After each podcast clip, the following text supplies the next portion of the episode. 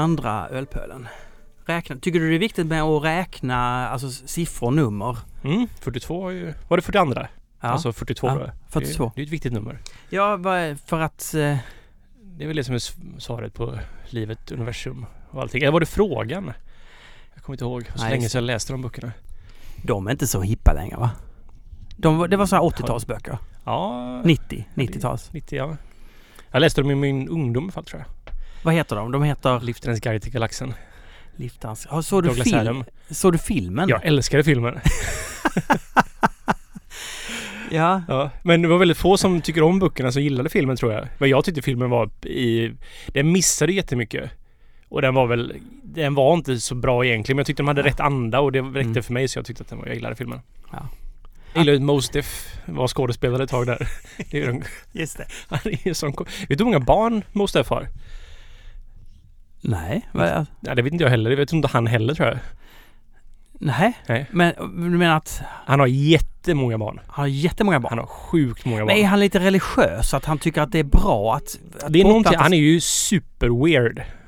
Det skulle inte förvåna mig om han är lite religiös. Men, eh, Du, hur går det med att inte ha skägg och mustasch? jo men det går bra. Du, du misstrivs inte? Eh, Jag saknar det lite.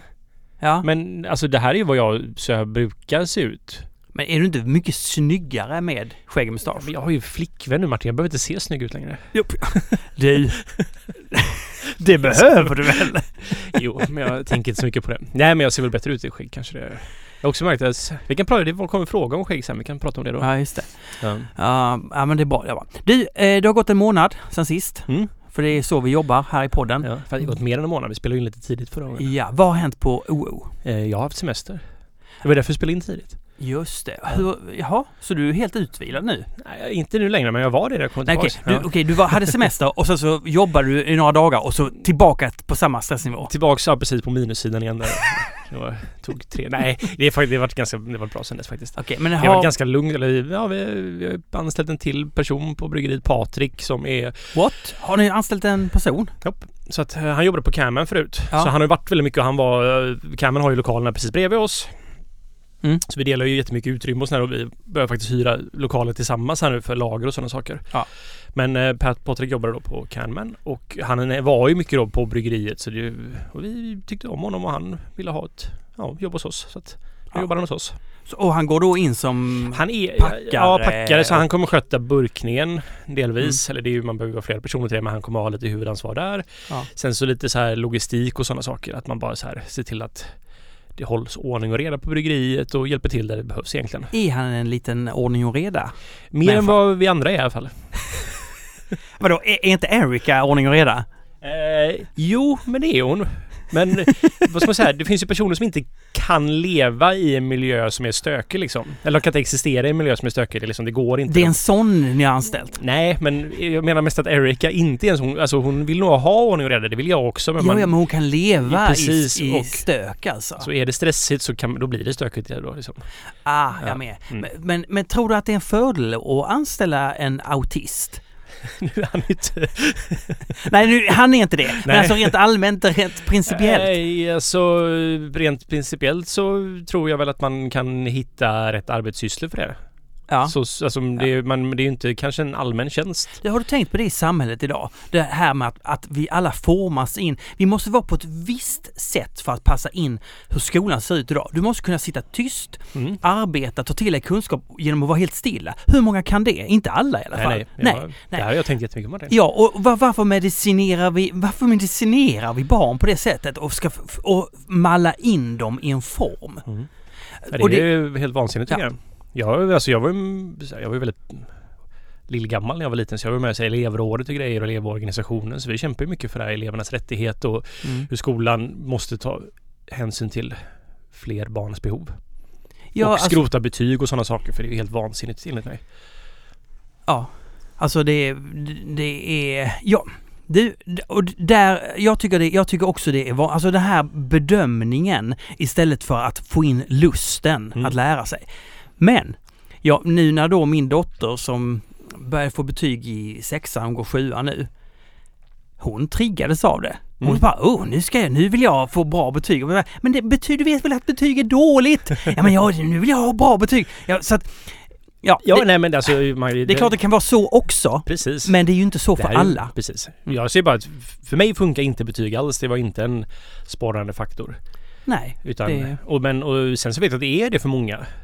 Men jag kan ju tycka att man måste hitta något sätt att bedöma på i sådana fall. På Ja. ett rimligare sätt än vad man gör om man nu ska ha betyg. Ja, och rent pedagogiskt är det ju så. Ja, men om du sparas av det, då, då kommer du få betyg för du kommer att att leverera bättre. Men, men du där borta som inte eh, sparas av det, du behöver inte ha det, utan vi, vi snackar om andra saker istället för att du ska.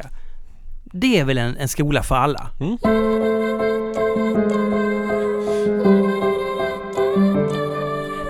Din arbetsplats då, alltså klarade Erika av att bara hantera det upp i brygga när du var borta? Det är klart hon gjorde. Ja, det gick helt okej tror jag. Eller ni har hällt ut all öl? Nej. Nej, nej, nej, nej. Nej. Men du, men har ni några nya ölsorter på gång nu då? Eh, ja, det har vi. Men de kommer nog... Vi kan ta, ta dem nästa avsnitt istället. För då är det mer aktuellt. Då är det mer aktuellt Ja, för det här, det här släpps ju nu i september. Ja, Ja, men då tar vi... För nu är det ingenting som kommer riktigt nu faktiskt. för man är ju så himla ny, nyfiken på det här ni har fermenterat och hela den här vildjästa Ja, men det är, projektet. det är inte färdigt än. Det- nej, men man är ju nyfiken. Ja, Ja, men... ja, okej. Nej, nej. det. Jag intervjuade ju Olli Mm. eh, häromdagen. Eh, Det var jäkligt, alltså vet du, det som händer nu, i, tidigare var ju du a, min, all min kunskap in i ölbranschen. Ja, Men nu när jag träffar fler och fler människor och pratar med dem, ja. inte bara Du träffar Så- andra människor med Nej, men jag får ju alltså. andra synsätt och sådär. Det är ju, Mm. Jag tycker det är så otroligt spännande och intressant Ja, ja att höra olika vinklar. Ja, Eh, ja. och att det inte egentligen finns en sanning utan att det är... Nej, nej, jag har ju bara min egna upp... Alltså, ja, ja. Det, och det är inte det sämsta. Nej. Och jag och Olle har säkert väldigt olika uppfattningar om saker. Ah, Det kan ju väl... Ni kommer väl från lite olika håll sådär. Så ja, det, men det, gör mig väl lite. Så det tycker jag inte... Det, det är väl en väl... Ni, ni har väl mycket att snacka om? Ja, herregud, sätt, I och med att ni kan ha Ja, nej, men jag ringer Olle. Alltså, jag, ofta när jag behöver liksom så här Ja. att det här måste jag ta reda på så ringer Ja. jag Olle faktiskt. Det är ju superfint. Ja. Och så är han typ 25 år gammal eller liknande. han har ju jobbat på så många bryggerier, det är ju helt sjukt. ja. Vad är Ja. det, det Magic Rock har han jobbat på. Ja. Han har jobbat på Carlsberg en gång Ja. länge ja. Ja. Och så Beavertown och nu. Stiberget. Ja. Ja. det är en bra resa. Det är det, det är det. Eh, man kan väl, ja, man kan säga att han, eh, det är, ja, jag tror många dr- drar i honom. Mm. Eh, så, du, du kan väl börja jobba här så här. Men, eh, Men du har gjort en intervju med honom som finns för Patreon. ja just det, just det. Eh, Det blev en timme 17 minuter. Eh, Jag har inte hunnit lyssna på den. Nej, men det idag jag. Det blev så oerhört mycket roligare än vad jag tänkte mig från början. Ja, Okej. Eh, Olli är ganska korrekt och Fast den är ju också väldigt rolig. Ja, det blev massor med historier. Historier om eh, Hedda Spendrup, bara den. Mm. Den du. Eh, den lilla grejen om, om ja, Hon alkoholism. eh, praktiserade ju väl på Beavertown va? Du får lyssna på podden. Så Ja, det. Ja. Nej men eh, om... Eh, och och ehm, om alkoholism, om, om varför vissa svenska bryggerier är så fruktansvärt dåliga. Och, Mm. Du, nu kommer Mm. lite frågor. Japp. Utriainen, hur går fisket Olle? Jo men det har gått bra. Jag var ju på min semester så var jag på landet i tre veckor. Man, det var liksom inte läge att resa någonstans riktigt. Nej. Och det var väldigt skönt att inte känna den pressen att man behöver liksom sticka iväg och liksom njuta av livet någon annanstans. Utan man bara, ja, jag var på landet i tre veckor på Kinnekulle. Och då fiskade jag varje dag nästan. Vad blir det för fisk då? Då fiskade jag nästan bara gädda och abborre. Kan man äta gädda? Eh, det är klart man kan. Men man gör inte det? Jag gör inte det. Nej. Jag fick ett recept av Olof Häggström, han kan man Olof, Ja. på gäddknäller. Knäller? Är, ja men det är som fiskbullar liksom. Ja. Mm. Där var det ju, men det är ju liksom hälften gädda, hälften grädde ungefär. Låter gott. Ja. Ja, men och abborre då? Abborre är ju underbart gott. Det är det. Mm. Älskar abborre. Älskar abborre. Jag fick mycket abborre men jag fick... Det, det, det var som att... Jag har ett ställe där det brukar vara som att så här, vissa tidpunkter så kommer olika stim med abborre till det här grundet Mm. då liksom. Så att eh, vanligtvis brukar det vara att en viss tidpunkt så brukar de större abborrarna vara där. Men nu var det bara tusenbröderna. Så jag fick väldigt mycket abborre men... Små. Tusenbröderna. Ja, det är små abborrarna. Varför heter de så? Det vet jag faktiskt inte. För de är tusen och bröder. The Beer Hedonist. Men jag vill bara säga, jag fick ju nytt personbästa på gädda. Vadå? Ja. Ja, en stor gädda. Precis, en 8,75 kilo. Ja, men det såg jag. Du släppte i den igen. Ja, men det gör man alla gäddor. Ja, just det. Eftersom Ja. du inte ska Nej, det är ju dumt att döda dem om man inte ska äta dem faktiskt.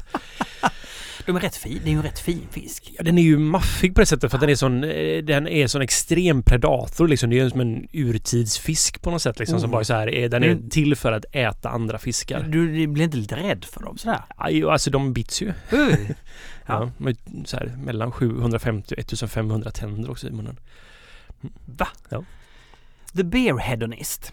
Hur kommer det sig att Olle börjat använda gästen London Fog för något år sedan? I tidigare avsnitt beskrev han den och London Ale 3 hade oangenäm smak av halvrutten melon. Mm.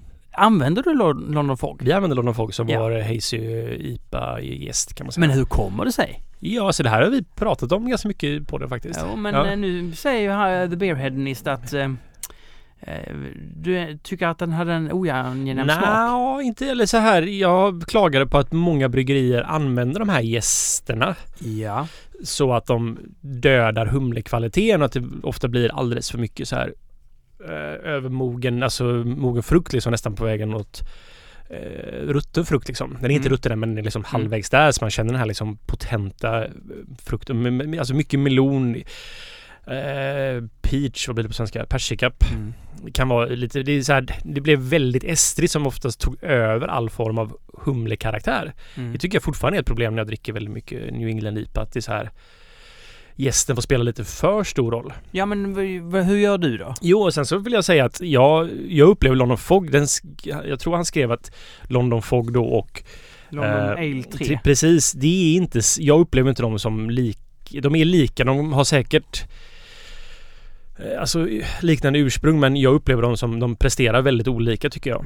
Och jag, jag föredrar London Fog ganska mycket jämfört med Conan-strängen som aldrig, blir alldeles mycket persika och för mig mycket så här övermogen frukt. Ja, men du får ingen övermogen frukt? Nej, så som jag alltså vi, vi började, och det pratade vi om podden faktiskt, att så som jag testade ju London Fog då för jag ville hitta den här gästen som funkar bra för New England IPer. Mm. Vi har använt S04 innan och sådär och den funkar men jag vill ha någonting bättre. Och då landade jag i London Fog just för att jag upptäckte att men jag kan jäsa den här på ett sätt som gör att jag och jag kan skörda, jag, kan hitta, jag har hittat ett sätt att producera öl med den här där jag tycker att humlen fortfarande kan spela en stor viktig del. Mm. Och sen så handlar det om process hur man använder gästen och sådär.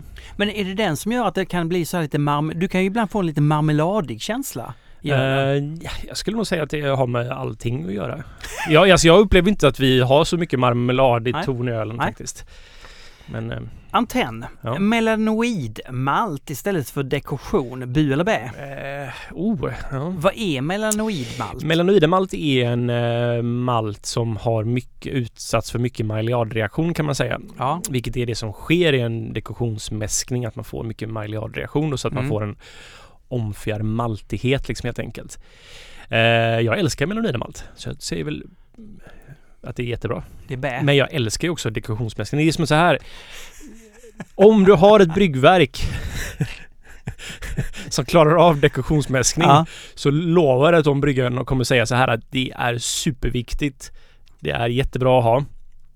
Och ehm, ja, eh, dekoktionsmäskning is the shit liksom. Kommer de som har ett dekoktionsverk säga. ja. Vi som inte har det kommer säga att ja, men melanoidemalten är jättebra.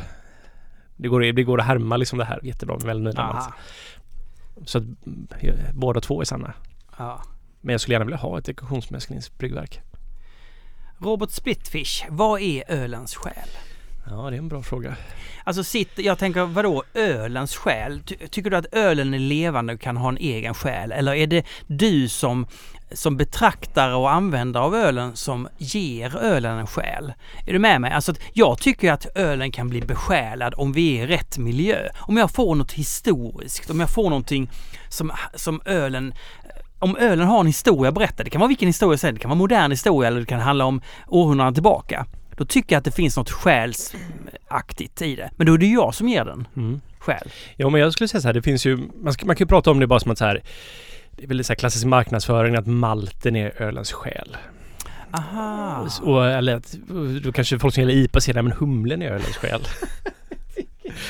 Och jag som bryggare skulle säga gästen i ölen ikväll. Ah, ja, ja, ja. Mm.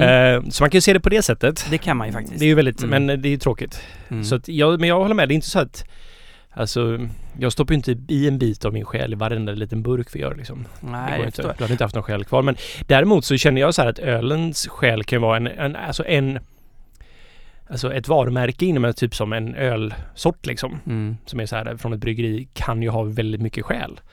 Och det är ju personerna bakom det som stoppat ner det i massa Mm. tid och tankeverksamhet i vad den här ölen ska representera och vad den ska göra. Så en, en ölsort, alltså en, ett varumärke, en ölvarumärke kan ju ha en själ tycker jag. Så kan man säga. Och Man kan också säga att berusningen kan vara skälen för den, den för människor närmare varandra. Eh, dels genom våld och slag men också genom att man vågar prata med varandra.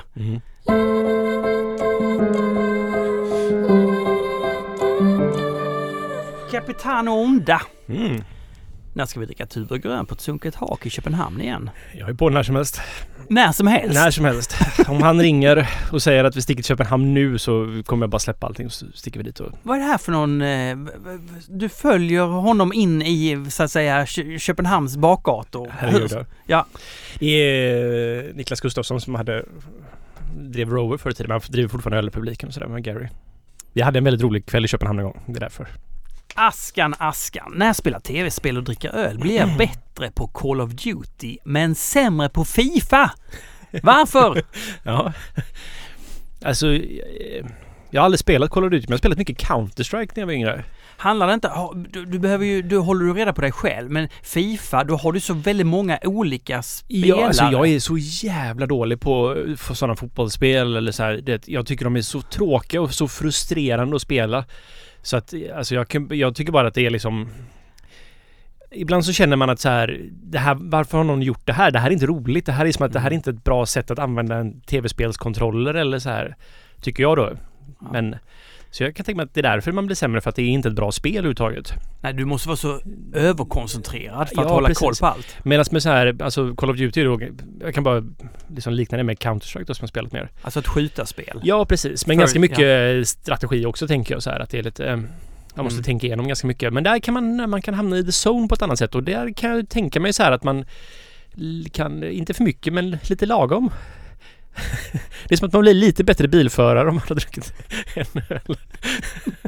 Lite bättre älskare, lite bättre... Nej, det blir man inte, jag bara skojar. Men det Ja. finns ju en sån här en eh, sån kurva där när man har lite alkohol i sig så ökar fokuseringen och man då Mm. tänker att man lättare kan bara hamna i the zone när man spelar den typen av spel. Sen så går det väldigt snabbt ut för desto mer man dricker. Ja, eh, jag säger. Jättesnabbt liksom. Jag säger ju nu, nu i den här Francesca Luigi Italio-discobandet jag har, säger jag till Jessica, vi dricker ingenting innan spelning. Ingenting! Eh, och vår, när, vi hade, när vi körde med vår basist, han Mm. drack ju alltid minst en öl och sa jo det är jättebra. Eh, Timo Räsänen, kan, han kan dricka hur många öl som helst och ändå leverera på scen. Mm. Men jag, jag menar att det där är löjleri. Det kan man inte alls det. Ja. Möjligtvis om man är hypernervös för att stå på scen så Ja. vågar man gå upp på scenen. Det är det enda som i så fall blir bättre. Men om du ska hålla en ton eller om du ska vara närvarande. Ja. Men jag vet ju att det finns folk som pratar om Jimmy Page, att han var mycket bättre gitarrist när han var heroinist. För han var lite off hela tiden, vilket fick det här liksom speciella sound. Ja, men jag, jag, jag har sett ett sånt YouTube-klipp när någon riktigt nördig person beskrev det här och sen när han blev clean och liknande så försökte han härma det här soundet han hade när han var... Men det gick inte riktigt, det var inte samma feeling i det hela. Ja. Simonotka. Simontka. Simon T. Karlsson, Simon... Ja, Ja. alltså... ehm, Pro, vad heter han? Produk- produktionschefen. Ja, precis. På Min gamla vapendragare på Stiberget. Jajamän. Mm. Vad är ölsmak? Ja, vi, alltså, vi köper ju ölsmaken. Den kommer ju så här i dunkar. Ja, i dunk- dunkar kommer den. Så det är en sån här sirap man köper. Som man häller i för att det ska smaka öl. Alltså den är ju, jag skulle säga att, jag, jag skulle säga att ölsmaken är ju ändå speciell. Ja, ja det är den. Men alltså det beror vilken leverantör man har av den och sådana saker. Så det kan variera lite grann. Men, men, men det är ju därför man... Men, jo. men jag, jag tänker ändå, alltså en öl är ju det, det beska och det humliga. Mm. Det är ju inte det sura. En suröl är ju ingen öl, annat än rent tekniskt. Mm. Den, en, en suröl har ingen Ja, ölsmak. men en öl är ju sur också. Att den- Jo, jo, men det, det, det, är rätt typ av surhet. Alltså liten surhet. Lite sur. Det är ölsmak. Det finns ju bara en syra liksom. Ja. ja. PO är ett PO Martin. Det är sant. Nej, det är Ja. väl dumt att malla in det för hårt Mm. alltså. Precis. Hoppas det besvarar hans fråga. Folk och öl. Varför är det så mycket skägg i ölbranschen? Ja men... ehm, jag tänker så här, det, alltså dels så vi, vi är många, jag vet inte, så här, varför är det så mycket skägg i metal-scenen? Mm. Ja. Ja, alltså att inte ha skägg. man- Jag tycker man ska gå åt andra hållet. ja. Där handlar det om att man ska, du ska gå i kostym, du ska gå på styrelsemöten, du ska se proper ut. Mm, Där, alltså det är ju egentligen det onaturliga, att du ska göra dig till precis. för världen. Men är du på en metalscen, då gör du inte det. Då är du med ditt sanna jag. Va? Ehm, och till när jag ställ- ställer mig på Italo-discoscenen, då, då trimmar jag mitt skägg. Det blir mycket, mycket kortare. Det, det har liksom en, är du med? Det, Ja. det får spela en roll, men det får inte vara yvigt eller Nej, sådär. Nej, nej. Eh, så att, ehm, Finns det några som har gjort metal, italo, italo-metal? Finns det? nej. Alltså, Det här var roligt. ja. Ja. Alltså jag tycker, jag, jag tycker Italo är sådär. Jag, jag tycker inte så mycket om det. Jag älskar Italo. Ja. Men, men jag tänker så här att eh, det har jag ju märkt nu själv när jag hade skägg och när man jobbar i ölbranschen så dricker man ju en del öl om man... Ja, man, det är ju kolhydrater man lägger på sig lite grann. Skägg är ju väldigt bra för att maskera. Ah. Man ser ju bättre ut med skägg. Om ja, man, det gör man. ja, det är liksom... Det, det tänkte jag på nu när jag rakade mig. Så här, åh jävlar. Ja, det har du helt rätt Ja. i. Alltså jäkligt eh, tränade personer behöver ju inte ha skägg. Nej, precis, precis. Jäklar, de kan vara snygga utan Mm. skägg. Det är helt otroligt Ja. att man kan vara det. Vi Vendeland. Vet du, känner du Vendeland? Eh, nej, tror inte det. Fråga till Olle, vad skiljer OOs Baltic Porter från Porter Porter receptmässigt? Har druckit båda flera två gånger. Två, båda två flera gånger och tycker Porter Porter har en tydligare sötma, vilket gör den godare i mitt tycke. Det är lite mer malle i den trots att det, den är den svagare av de två. Ja, de är ganska... Jag har helt olika filosofier de två ölen faktiskt. Eh, Jag skulle säga att båda två är superfokuserade på malten. För Det, det blir ju naturligt så när det är mörk öl, liksom att man Mm. fokuserar på malten rätt mycket. Och, eh, Baltic Porter är ju min version av alltså den här lite konstiga stilen Baltic Porter då som inte är superdefinierad på något sätt tycker jag utan den kan variera rätt mycket. Som ett, men det är ju liksom en, det är en tolkning av de mörka ölen av Mm. kontinentala bryggare som är liksom här i Skandinavien och ja, i Polen och Finland och sådär liksom.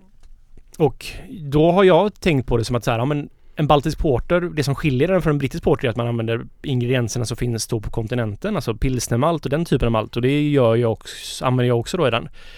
Så där kör jag liksom pilsnermalt, jag, all malten kommer från Weyermann. Jag använder Special Bee då som är en karamellmalt från eh, ett eh, belgiskt eh, mälteri. Som har, så att jag använder liksom den, de ingredienserna som finns här som inte, de skiljer sig rätt mycket från malten på de brittiska öarna liksom. Ah. Och så använder jag då lagerjäst.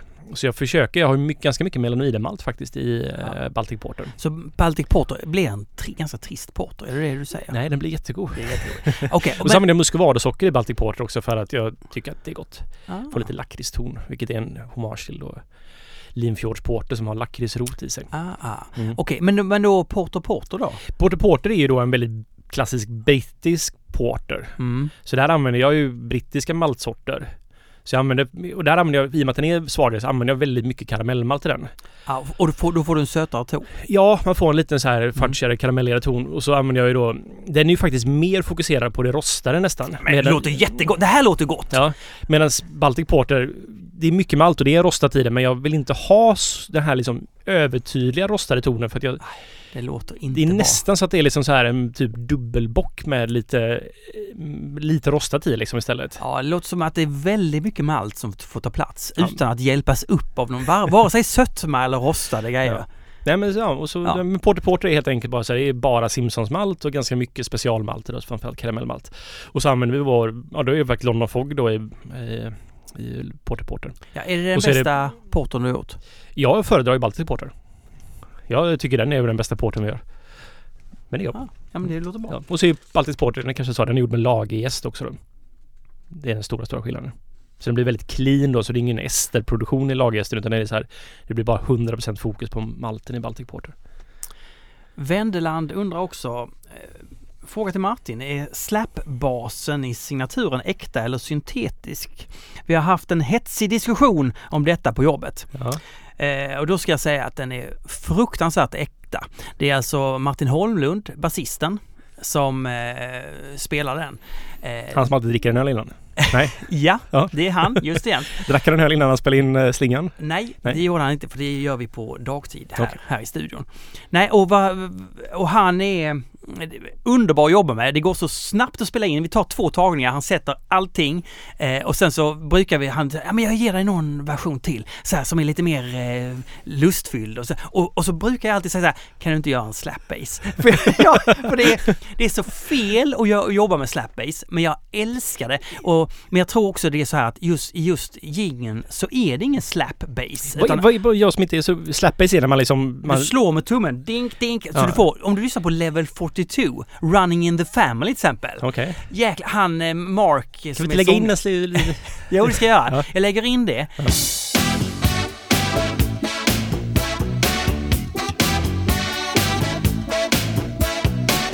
Då kan jag också avslöja att när, när Fredrik kommer in här senare, då ska jag spela in, spela upp veckans låt. Och Okej. där är det slapbass som Martin Holmlund Vem var det som uppfanns... För jag kommer att det, det är väl så här, det, det var väl någon som är väldigt förknippad med slapbass, är det inte det? Eh, Det är säkert, någon funk... Eh, kan det vara Bootsy Collins? Exakt, jag, för eller? jag tror Jagge har pratat om detta, att det är han som typ är Mr Slapbass liksom.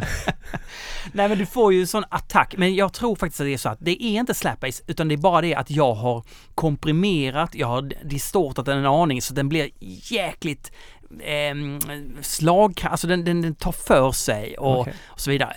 Sen är det också som om man lyssnar på Flashback Forever podden, den gängen, det är också Martin Holmlund. Okej. Men den basen spelar han in när vi gjorde låten Genvägen hem. Som jag gjorde med Susanna Brandin. Eh, om du söker på Martin Permer på Spotify så får man upp den låten, Genvägen hem. Fruktansvärt bra låt. Fruktansvärt bra. Där till och med Ina har varit med och hjälpt mig lite grann med texten Okej. faktiskt. Ja, hon är Jag med. kan tänka mig att hon är en väldigt duktig Ja, textförfatterska. jag har skrivit nästan hela. Okej. Men när, när hon sa så här, Martin du kan inte skriva sms, det måste vara mess. Hon hjälpte mig lite med lingot så att säga. Ah, ja, ja, ja. Jo. Eh, och där, den, den basen Mm. i Genvägen hem gjorde Martin Holmlund. Sen så snodde jag den, pitchade ner den lite grann eh, och gjorde Flashback Forever-jingeln på samma basgång. Mhm, Boom! titta där. Det är... Det Ja, har man en återanvändlig bra- grej liksom. Ja, men har man en bra bas, till- det är väl ja. bara att använda. Så att eh, det är svaret på den Mm. frågan. Ehm, han eh, tipsar också om att ehm, musiklinjerna i två 1,2 gånger hastigheten blir, då blir de magiska. Ja. Okej, jag ska testa det. Hembryggeriet Sangsvanen. En frågor från ert första avsnitt av Ölpölen. Vilka är ölvärldens svar på The Ramones? Mm. 2016 väntade Ole på att någon skulle visa vägen och vart skåpet ska stå. Eller har de alltid varit här? Vilka? Ja. Ja, ja, Ja, vilka? det var ju det att vi hade så här att det liksom, det är, ja men liksom så här det var liksom peruanska panflöjtar i musiken och liksom det blev så här helt galet på 80-talet. Ja. Med liksom bara utsvävningar åt alla håll och kanter som var så här, ingen lyssnar på det längre för att det var Nej. ganska kass liksom. Mm. Och så, men så kom bara Ramones visa var skåpet ska stå liksom att så här. Ah, Det var liksom, här har du hederlig rock'n'roll på ett sätt som ja. Ja. Och vilka är då? Ja, alltså jag vet fortfarande men jag, det, det lutar ju mer och mer åt att det är något sånt här, alltså det, ett, ett, eh, ja men typ som, jag vet inte, Allagash till exempel. De bara det? liksom, det är ett bryggeri i Maine som bara så här, ja. Allt de bara, gör är bra. De bara gör bra öl liksom. Men ja, det, det sa Olli om The Colonel också. Han sa att de... The de Colonel är Ramones. ja, för Ja. de gör bra modern öl, de gör bra eh, klassisk öl. De, precis, det är malt, humle, jäst och vatten. Ibland lite andra saker också men för det mesta liksom bara så här. Ja men The Colonel är The Ramones. Det var faktiskt Olli helt rätt i. Rau...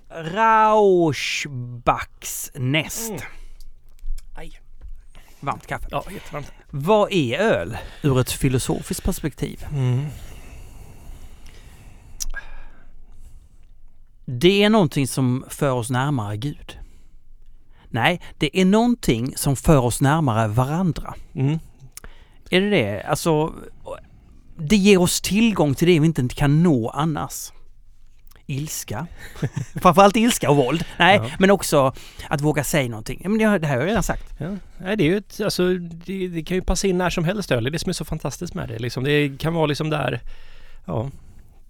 Öl, det är aldrig opassande med en öl liksom. Man kan också kalla det för att det är en flykt.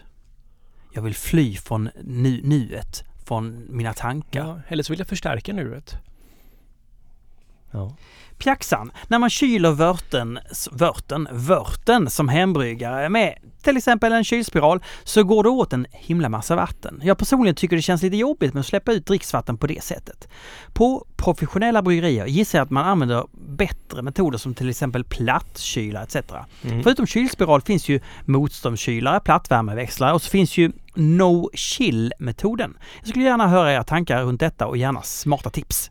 No chill-metoden antar jag bara att den får svalna av sig själv då. Cool! Bra metod! Nej, eller jag vet inte riktigt Ja. vad no chill... ja, det- den skulle jag inte rekommendera. Jag tror man kan få ganska mycket DMS-produktion på det sättet. Och. Snabb kylning är bra. Snabb kylning är jätte, jättebra och tyvärr så är det när man ska liksom sno, eh, alltså växla värme på det sättet så är ju vatten en väldigt bra metod att växla värme på. Liksom att man tar kallt vatten, het vört, byter liksom Mm. ja, värmen på liksom helt enkelt. Vi använder ju plattvärmeväxlare på bryggeriet Ja. Eh, och jag kan förstå att det känns lite märkligt när man eh, som hembryggare bara liksom, för jag kommer också ihåg det så här att det var på sommaren framförallt så var det ju när det är 20 grader i kranen så tar det ju jättelång tid liksom. Mm. Och så bara det, man slösar jättemycket vatten. Men för det, ja, det gör man ju när man tar ett bad också liksom. Ja. Men på ett bryggeri som oss då så har man plattvärmeväxlare och man använder då så man en hetvattentank då på bryggerier oftast. Eh, och en hetvattentank är ju bara en stor, vi, vår är på 8000 liter tror jag med hetvatten som är ånguppvärmd då så vi håller vid 90 grader under veckan som är konstant värme liksom. Mhm. Och när vi kyler då så går eh, returvattnet då, det heta vattnet som kommer ut från plattvärmeväxlaren som har tagit då den värmen Ja. från vörten tillbaks in i hetvattentanken. Så det kommer ju oftast in där i en 70 grader ungefär typ. Och så värmer ni lokalen på det sättet. Eller, ja, eller vi behöver ju då vattnet till nästa bryggning. Ja, det är inte bara temperaturen i rummet. Ni... Ja, det är, man höjer temperaturen men det är mer under bryggningen allmänhet bara liksom. Ja, okej. Ja.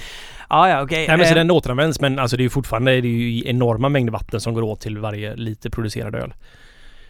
Ja, så att, att men för, för en hembryggare att inte slösa så mycket vatten, det är inte så lätt. Är det det du säger? Ja, precis. Men de, de ska inte ha dålig... Alltså jag tror ju säkert att bryggeri slösar mer vatten än vad en hembryggare gör per liter öl. Med städning och diskning och tankar och allt vad det innebär. Jo, men det är precis. Mm. Det, så säger jag till barnen. Nej, det är inte farligt att köra bil. Vi släpper inte ut så mycket. Kolla, det, det är ju industrierna. Mm. Cementproduktionen. Men eh, jag kan berätta en rolig historia. Som är så här, man, hur man tappar perspektivet på vatten. För jag, Ja. så här... Jag kommer ihåg när man var liten och så här, nej du får inte liksom, kranar får inte rinna i onödan och man skulle Ja. vara väldigt sparsam med vatten. Ja, och så ja. var det någon gång när jag, vi har ju ledningar då som är så här, så skulle jag ta vatten, eh, det var varmt på bryggeriet. Så att det är ju ganska mycket vatten då som är varmt i ledningen där. Som värms upp av lokalen, det var 30 grader innan så jag ville ha ett kallt glas vatten så jag, ja men jag bara öppnade en ventil på bryggverket så jag spolade igenom det här. Så gjorde jag det och så bara, men nu är det kallt så känner jag det. Och så tittade jag på flödesmätaren så hade jag spolat så här 200 liter vatten bara för att jag skulle få ett kallt glas. Då fick jag så här, fan. Det där var... Det där var grejer. Men samtidigt så här, jag kommer ihåg när vi hade en vattenläcka på Stivaret. Ja, just det. Eh, det var kallt, det var precis när vi bytte nya bryggverket. Vi liksom fördubblade vår vattenproduktion så rören utanför bryggeriet på Gamla Varvsgatan, de sprack bara i marken. Det var gamla gjutjärnsrör liksom. De var jättegamla. Ja. Så att eh, det var ju tjäle i marken och sådana saker också. Men, och då kommer jag ihåg, jag pratade rätt mycket med en sån här, någon ingenjör där på vattenverket som var där och kollade på det och så han var liksom så här, det, när det, det när det blir tjäle i marken så spricker det rör överallt liksom. Så han sa att det här är den värsta veckan vi har haft liksom typ. Och så pratade vi om så här hur mycket så här vatten som spills ut och han sa ja men vi kan ju se en förlust för de har ju vattenläckor överallt så de inte märker det ligger jättemycket gamla rör. Och jag har för mig han sa att det var 50 000 kubik om dagen som de som är unaccounted for då i de säger Oj. att de producerar det men det förbrukas inte. Utan Alltså- det läcks förmodligen ut då. Man vattnar upp jorden i Göteborg. Ja, helt det- enkelt. Det kanske inte stämmer med 50 000 kubik per dag. Men jag för mig det var det han sa. Skön siffra då. Ja. Wooden Pickle Brewing. När jag dör vill jag donera mina organ men om, jag, men om min lever går att återanvändas känns det som att jag misslyckats. Är det själviskt? är det själviskt? Alltså det vill säga att han vill vara en fullblodsalkoholist som verkligen har marinerat sin lever med alkohol så att levern får jobba stenhårt så att den verkligen inte går att återanvändas. Mm. Då har han alltså lyckats. Ja. Det, det innebär att, att att lyckas innebär att man ska dricka väldigt, väldigt mycket alkohol. Jag tycker det här låter helt eh, märkligt. Mm. Är det, vad, vad är det för mening med det? I sig? Ja, det är, om man gör det bara för leverns skull så gör man det ju helt fel anledningar tänker jag. Vad var frågan egentligen? Ja, det är om det är själviskt. Eh, Att, han inte kan, att man inte kan donera levern då. ja. Brukar man donera levern också? Alltså det låter ju inte som någon jätte donationsgrej. Eh, Men lite... Men det, det, klart det är att- bra att man donerar i allmänhet i alla fall. Ja, sen om det... Ja, så det, det, är, jag skulle säga att det är inte själviskt egentligen. Men. Nej, men fast, eller det är klart att det är själviskt för att man inte vill donera. Men om det nu är en så stor grej. Ja. Njut Simon, Mm. Min eh, så att säga partner in crime. Ja. Alltså, det, det, Hur går det med eh, Apple Surely businessen? Jo, men den kom väl in på ett systembolag. Är det sant? Ja, i Göteborg ett. Ja, ja. Det kanske är närhetsprincipen och sådär. ja. Nej, men den är ju... Den är supergod. Jagge säger ju att det är en av de godaste dryckerna han har druckit. ja. När jag var hemma i Skåne senast så var bönderna i full gång att skörda säden. Mycket av kornet vet jag ska gå till öl. Då började jag reflektera lite hur långt avståndet känns mellan bönderna som odlar kornet till industriområdet i till exempelvis eh, Göteborg där ölet slutligen blev till. Öl är ju i grund och botten en jordbruksprodukt. Kanske ingen nyhet, men blev väldigt tydligt när skördetröskorna körde runt. Okej, det lät svinmycket längre det är, my- okej, det är svinmycket längre till USA eller Nya Zeeland där humlen kommer ifrån. Men det är inte det fysiska avståndet jag tänker på nu. Reflekterar Olle som bryggare någonting kring detta? Tänker han på bönderna som odlar kornet? Det är naturligtvis inte bara att man sår några frö och så kommer det upp prima maltkorn några månader senare. Det krävs ju ett både stort, svårt och viktigt arbete även i detta skede. Det finns många andra livsmedel som också har långa avstånd mellan odlare och producent, men många andra har det inte. I vinvärlden ser vi båda delar. Hur hade ölvärlden sett ut om det var bönderna själva som förädlade sina grödor till öl? Mm. Det här är en väldigt bra fråga, får jag ändå säga. Eh, jag tänker väldigt mycket på det faktiskt. Eh, Va? Så det var det svaret jag hade. Nej, Du tänker... vä- tänker jättemycket på det här. Nej, men det är ju lite knepigt så här. Jag kan ju vara avundsjuk på till exempel vinproducenter. De jobbar med terroir. De har en närhet till grödan som de förädlar.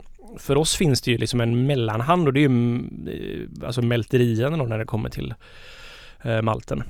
För det är ju de som gör, det har vi snackat om tidigare, att det är liksom Mm. så här att vi gör ju bara det sista steget till en Ni lång bara blandar ihop det så Alltså, blir vi det... gör ju det enkla jobbet liksom. Det roliga jobbet. Nej men mälterierna, de förädlar ju kornet och Ja. eh, veten till en användbar produkt för oss och vi har ju som alternativ att vi kan ju bara köpa den malten vi vill ha Ja. och liksom välja de smakerna men smakerna som vi då väljer med malten de kommer från mältningen så att mycket av smakerna som finns i en öl är ju inte någonting som ett bryggeri har producerat utan de har ju bara köpt in då den smaken från den ölsmaken. Alltså det låter så, bill- det är så billigt det här. Alltså. Ja men det är ju lite tråkigt kan jag tycka på sätt och vis för jag och jag, köper ju då, jag köper den bästa malten jag kan få tag i och den kommer ju dessvärre då från Tyskland och från eh, England. Så jag använder mycket Weyermann-malt och mycket Simpsons malt. Och jag hade jättegärna använt svensk malt faktiskt, för den är ju inte svensk helt enkelt. Mm. Eh, och det finns ju en stor leverantör som heter Vikingmalt. Ja. Och jag kanske ska prova att använda det till vissa öl kanske, får se i Och framtiden. det är en svensk. Det är en svensk-finsk producent, ett mälteri. Så de köper, det är de som levererar till alla stora producenter i, här i alltså i Spendrups och Carlsberg och sådär. Men de gör kassmalt. Alltså, jag vet inte för jag har inte använt den så mycket. Eh, Jag, eller jag har använt deras pilsnermalt och sådana saker tidigare. Mm. Men jag har föredragit Weyermann eh, Mm. malten. Men när man blir tillräckligt stor så kan man ju ha kontrakt med ett mälteri och då kan man ju liksom säga jag vill ha malt som är inom den här specen till exempel. Ja. Med den här mängden protein och sådana saker. Och det är någonting man gärna kan titta på. Men jag hade ju jättegärna kommit närmare grödan. och det är ju, alltså ofta är ju mälterierna så extremt stora producenter liksom. Man är ju bara en droppe i havet Mm. som konsument. Man har ingenting att säga till om. Men det börjar och i USA har det kommit jättemycket med alltså så här hantverksmälterier då.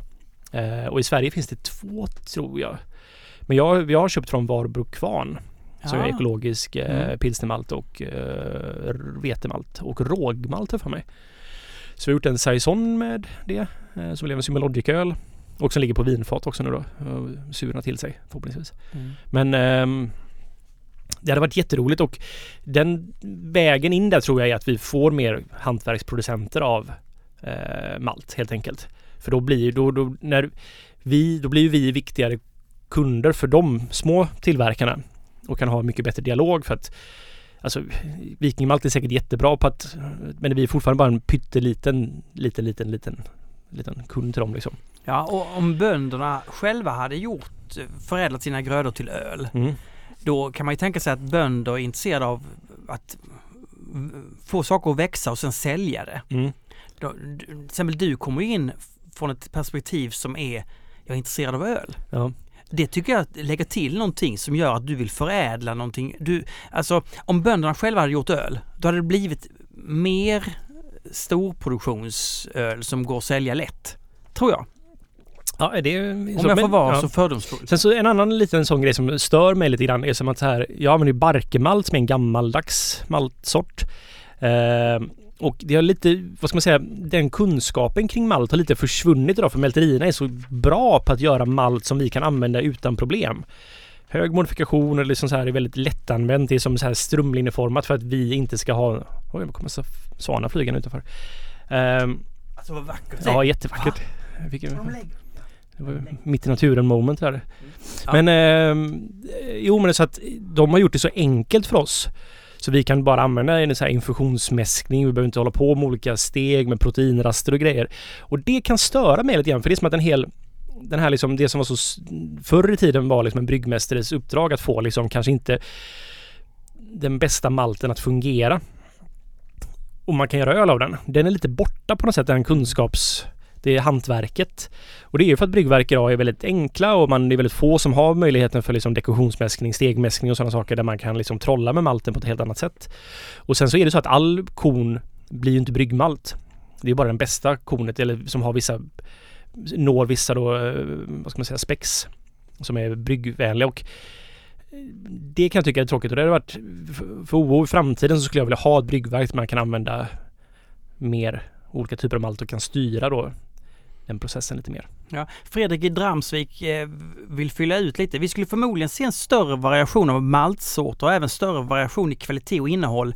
Det skulle vara lättare att få tag i malt med högt proteininnehåll och så vidare. Mm, För mig precis. som hembryggare så hade det varit underbart med lika stort maltutbud som det finns på Gäst och Humle. Men jag misstänker att det hade varit en mardröm för bryggerier. Ja men det var lite det jag pratade om där att som att malten görs så låg proteinnivå och så här liksom är den är så strömlinjeformad för att det ska vara så enkelt för oss bryggare att göra då bra öl helt enkelt. Men det blir att variationen blir lägre liksom. Ja. Och, men det skulle ju... Man behöver bättre bryggverk än vad de flesta bryggerier har idag. För att kunna tillgodose sig och kunskapen och helt enkelt den, den saknas lite idag. Kullan och Paugen, Mm. känner du dem? Ja, eller de ställer ofta frågor. Absolut. När får podden en egen öl? Vad ska du göra den då? Eller jag det skulle... Nej, vi köper in den va? Från Ja. Spendrups. Ja, precis. Vi, vi bara liksom lablar om någonting så här. Nej, jag vet inte. Jag hade tänkt på det riktigt. Kanske vi ska göra. Men hur, vadå, vi kan väl inte göra någon öl? Du kan göra en öl? Jag kan göra det. Som du lablar som ölpölen då? Ja. Men eh, ni får ju tycka till också. Du kan ju blanda i lite äpple eller något liknande sånt. Alltså en, en, en riktigt eh, humlig öl med äpplesmak. Mm. Gröna äpplen. Ja. Nej men alltså vi, vi, det är väl klart att, det, att vi ska göra det. Men det, lär, vet vad, det kommer ju bli en Märtsen. Så är det bara. Med jättemycket smak. En brun Märtsen med jättemycket smak. Mm. Det tror, där tror jag vi alla kan enas nämligen. Eller en barley wine. Nej, ja, jo, det- barley, bar, nej, ja, visst, eller eh, nej, men varför inte en saison? Men en god så, i så Mm. fall. Fast jag skulle vilja att vi gjorde en lambic alltså. Ja. Men, eh, och så vidare och så vidare. Vi ska fundera på det. Ja, det är ju det här, den här grejen att, eh, att, ehm, att alla bryggare jag känner Mm. älskar pivot. Kanske någon som jag intervjuade häromdagen sa att hade bara den där eh, krogen haft pivot på kran då hade jag gått dit hela tiden. Mm.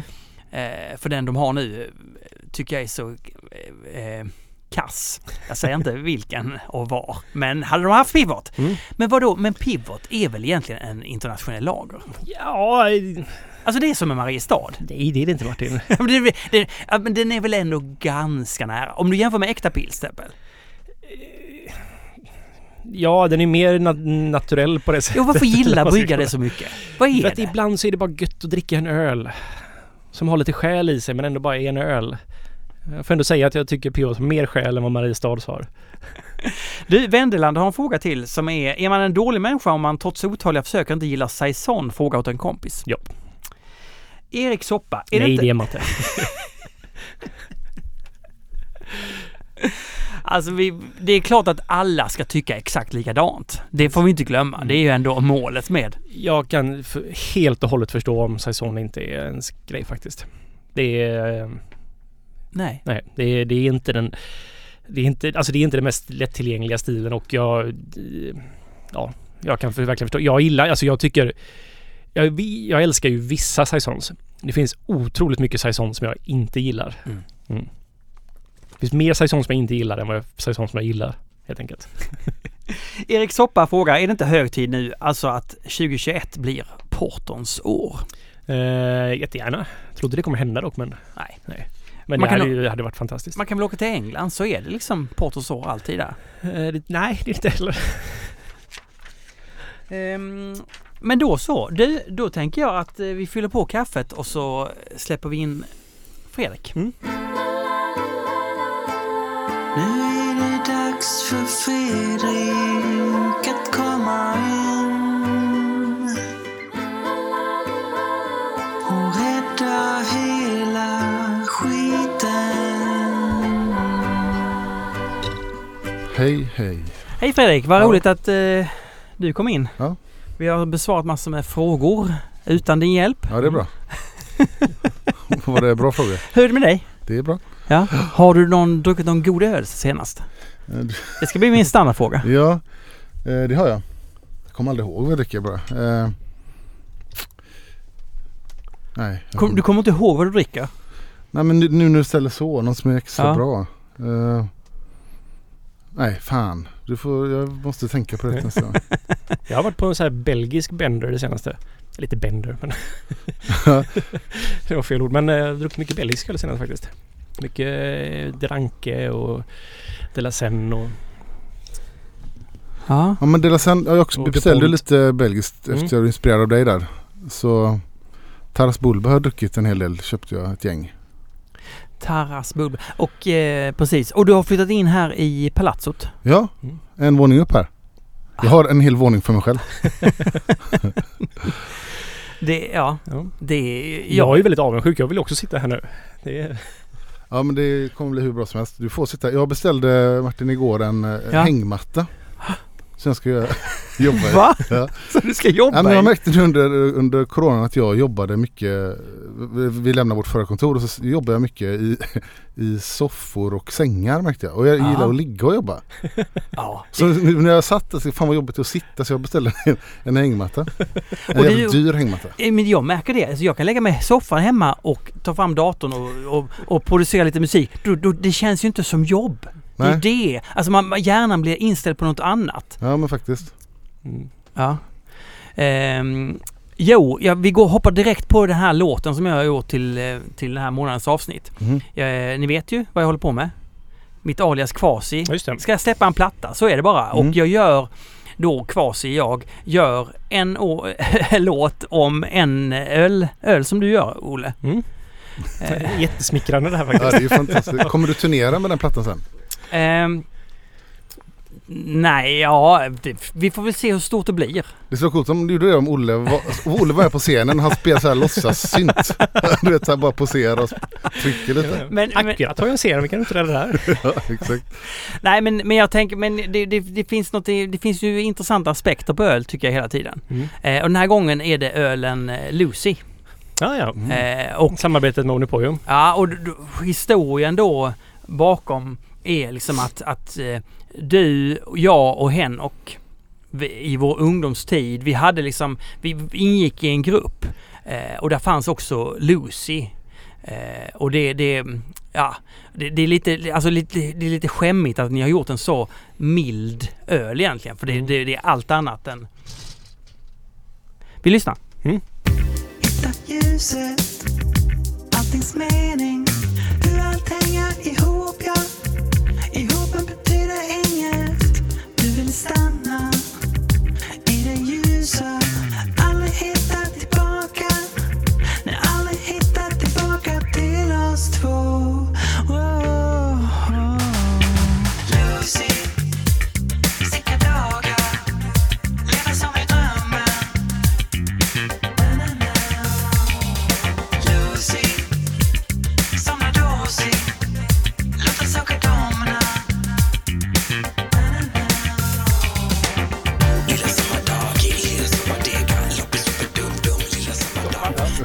Alltså, Det inga konstigheter. Nej. Och då blir det den här slapbassen i refrängen. Mm, det var väldigt roligt att vi har också pratat om Slapbase tidigare i Ja. avsnittet. Jag läste att det var en fråga om det. Är det riktig bas eller inte riktig Det är bas? riktig bas. Det är det? Det är dock inte slap bass Nej. just, utan det är bara väldigt eh, funkig bas. Jag trodde du hatade riktiga instrument. Det gör jag inte. Eh, men jag hatar när man bara har en riktig instrument och inte vet hur man ska producera dem. Så Nej. de verkligen låter riktiga och liksom inte tajta. Jag vill att det ska vara tajt. Det- Jag vill att det ska vara pro- professionellt. Om man lyssnar på amerikanska produktioner, alltid, alltid riktiga instrument. Superproducerat. Ja. Jag, jag tänkte det här kan inte vara riktigt instrument. Jo, det är riktiga instrument. Men man hör att basen är högt upp här på kroppen. Ja, det? den var nog utsökt när han spelade. Han satt nog ner och spelade Ja, okej. dessutom. Ja, så att det, ja. jag menar vad är det för slapbass? Nej, så det är Lucy det. Bra. Ja. Dansant. Slänga upp den på Patreon-sidan. Ja. Så Patrons kan lyssna på hela, även det lilla partiet Skicka jag den till, du får skicka en version till mig så jag kan skicka till Henok också. Ja, det är klart. Vadå, är, lyssnar inte han på podden eller? Det tror jag inte han gör faktiskt. Är han för stor för podden? Han är säker, han har bättre saker för sig tror jag.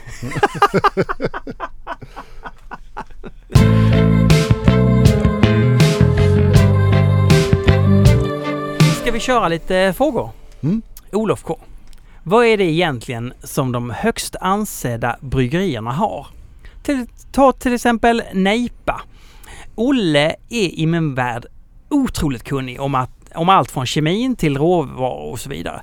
Eh, och har även bryggt väldigt mycket öl i sina dagar. Vad är det som skiljer hans Nejpa från den som till exempel Treehouse gör?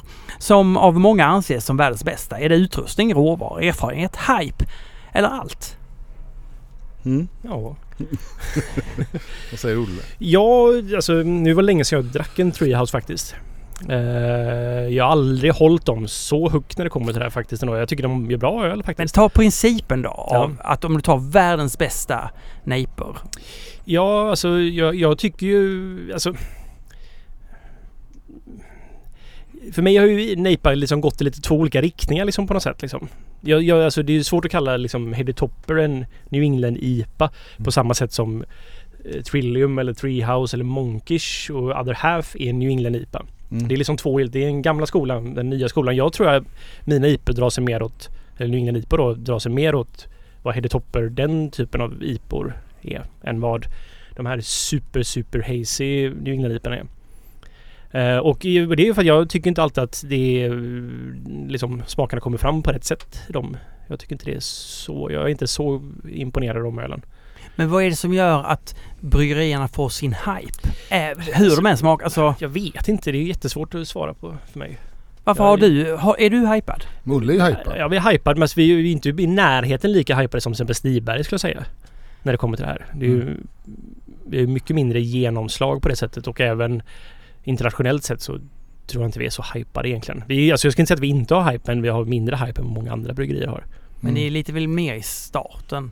Eller, nej. nej ja. Det har funnits sedan Ja. 2014. Men, ehm, Ja. Men det är hypat på ett annat plan än Stigberget har hypat tycker jag. Oh.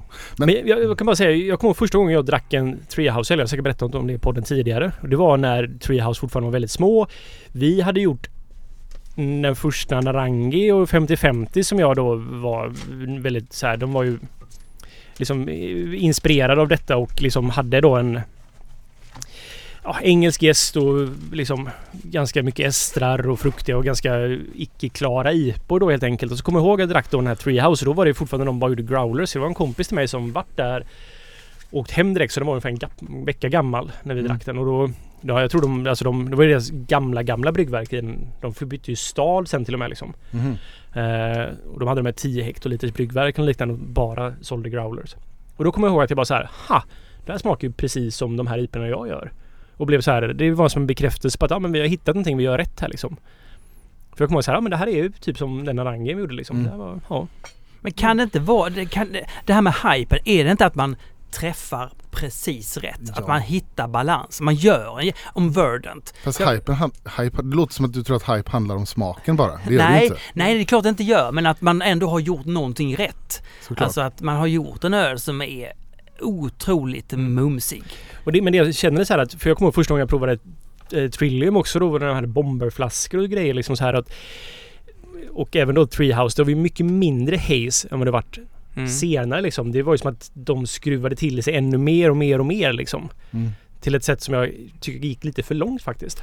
Men så här då. Så här tror jag det är. Olle, Ja. du gjorde världens bästa New England IPA.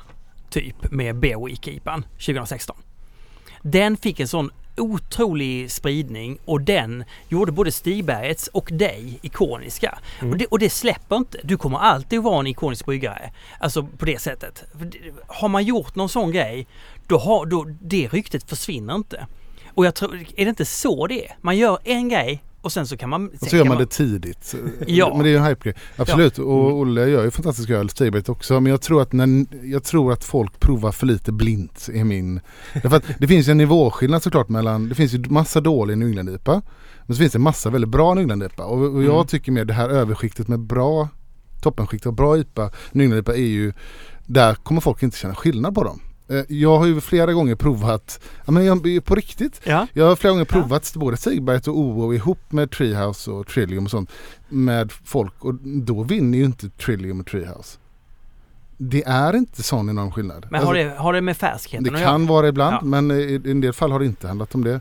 Ja. Så det är ju liksom fånigt att tro att man måste komma ihåg att när ett bryggeri gör någonting jävligt bra som Treehouse och Trillium har varit och var tidiga med det så lever ju det också vidare som en hype som, som det är ett varumärkes, en varumärkeseffekt som när man dricker så är det svinbra, du ratear det högt för du vet vad det är.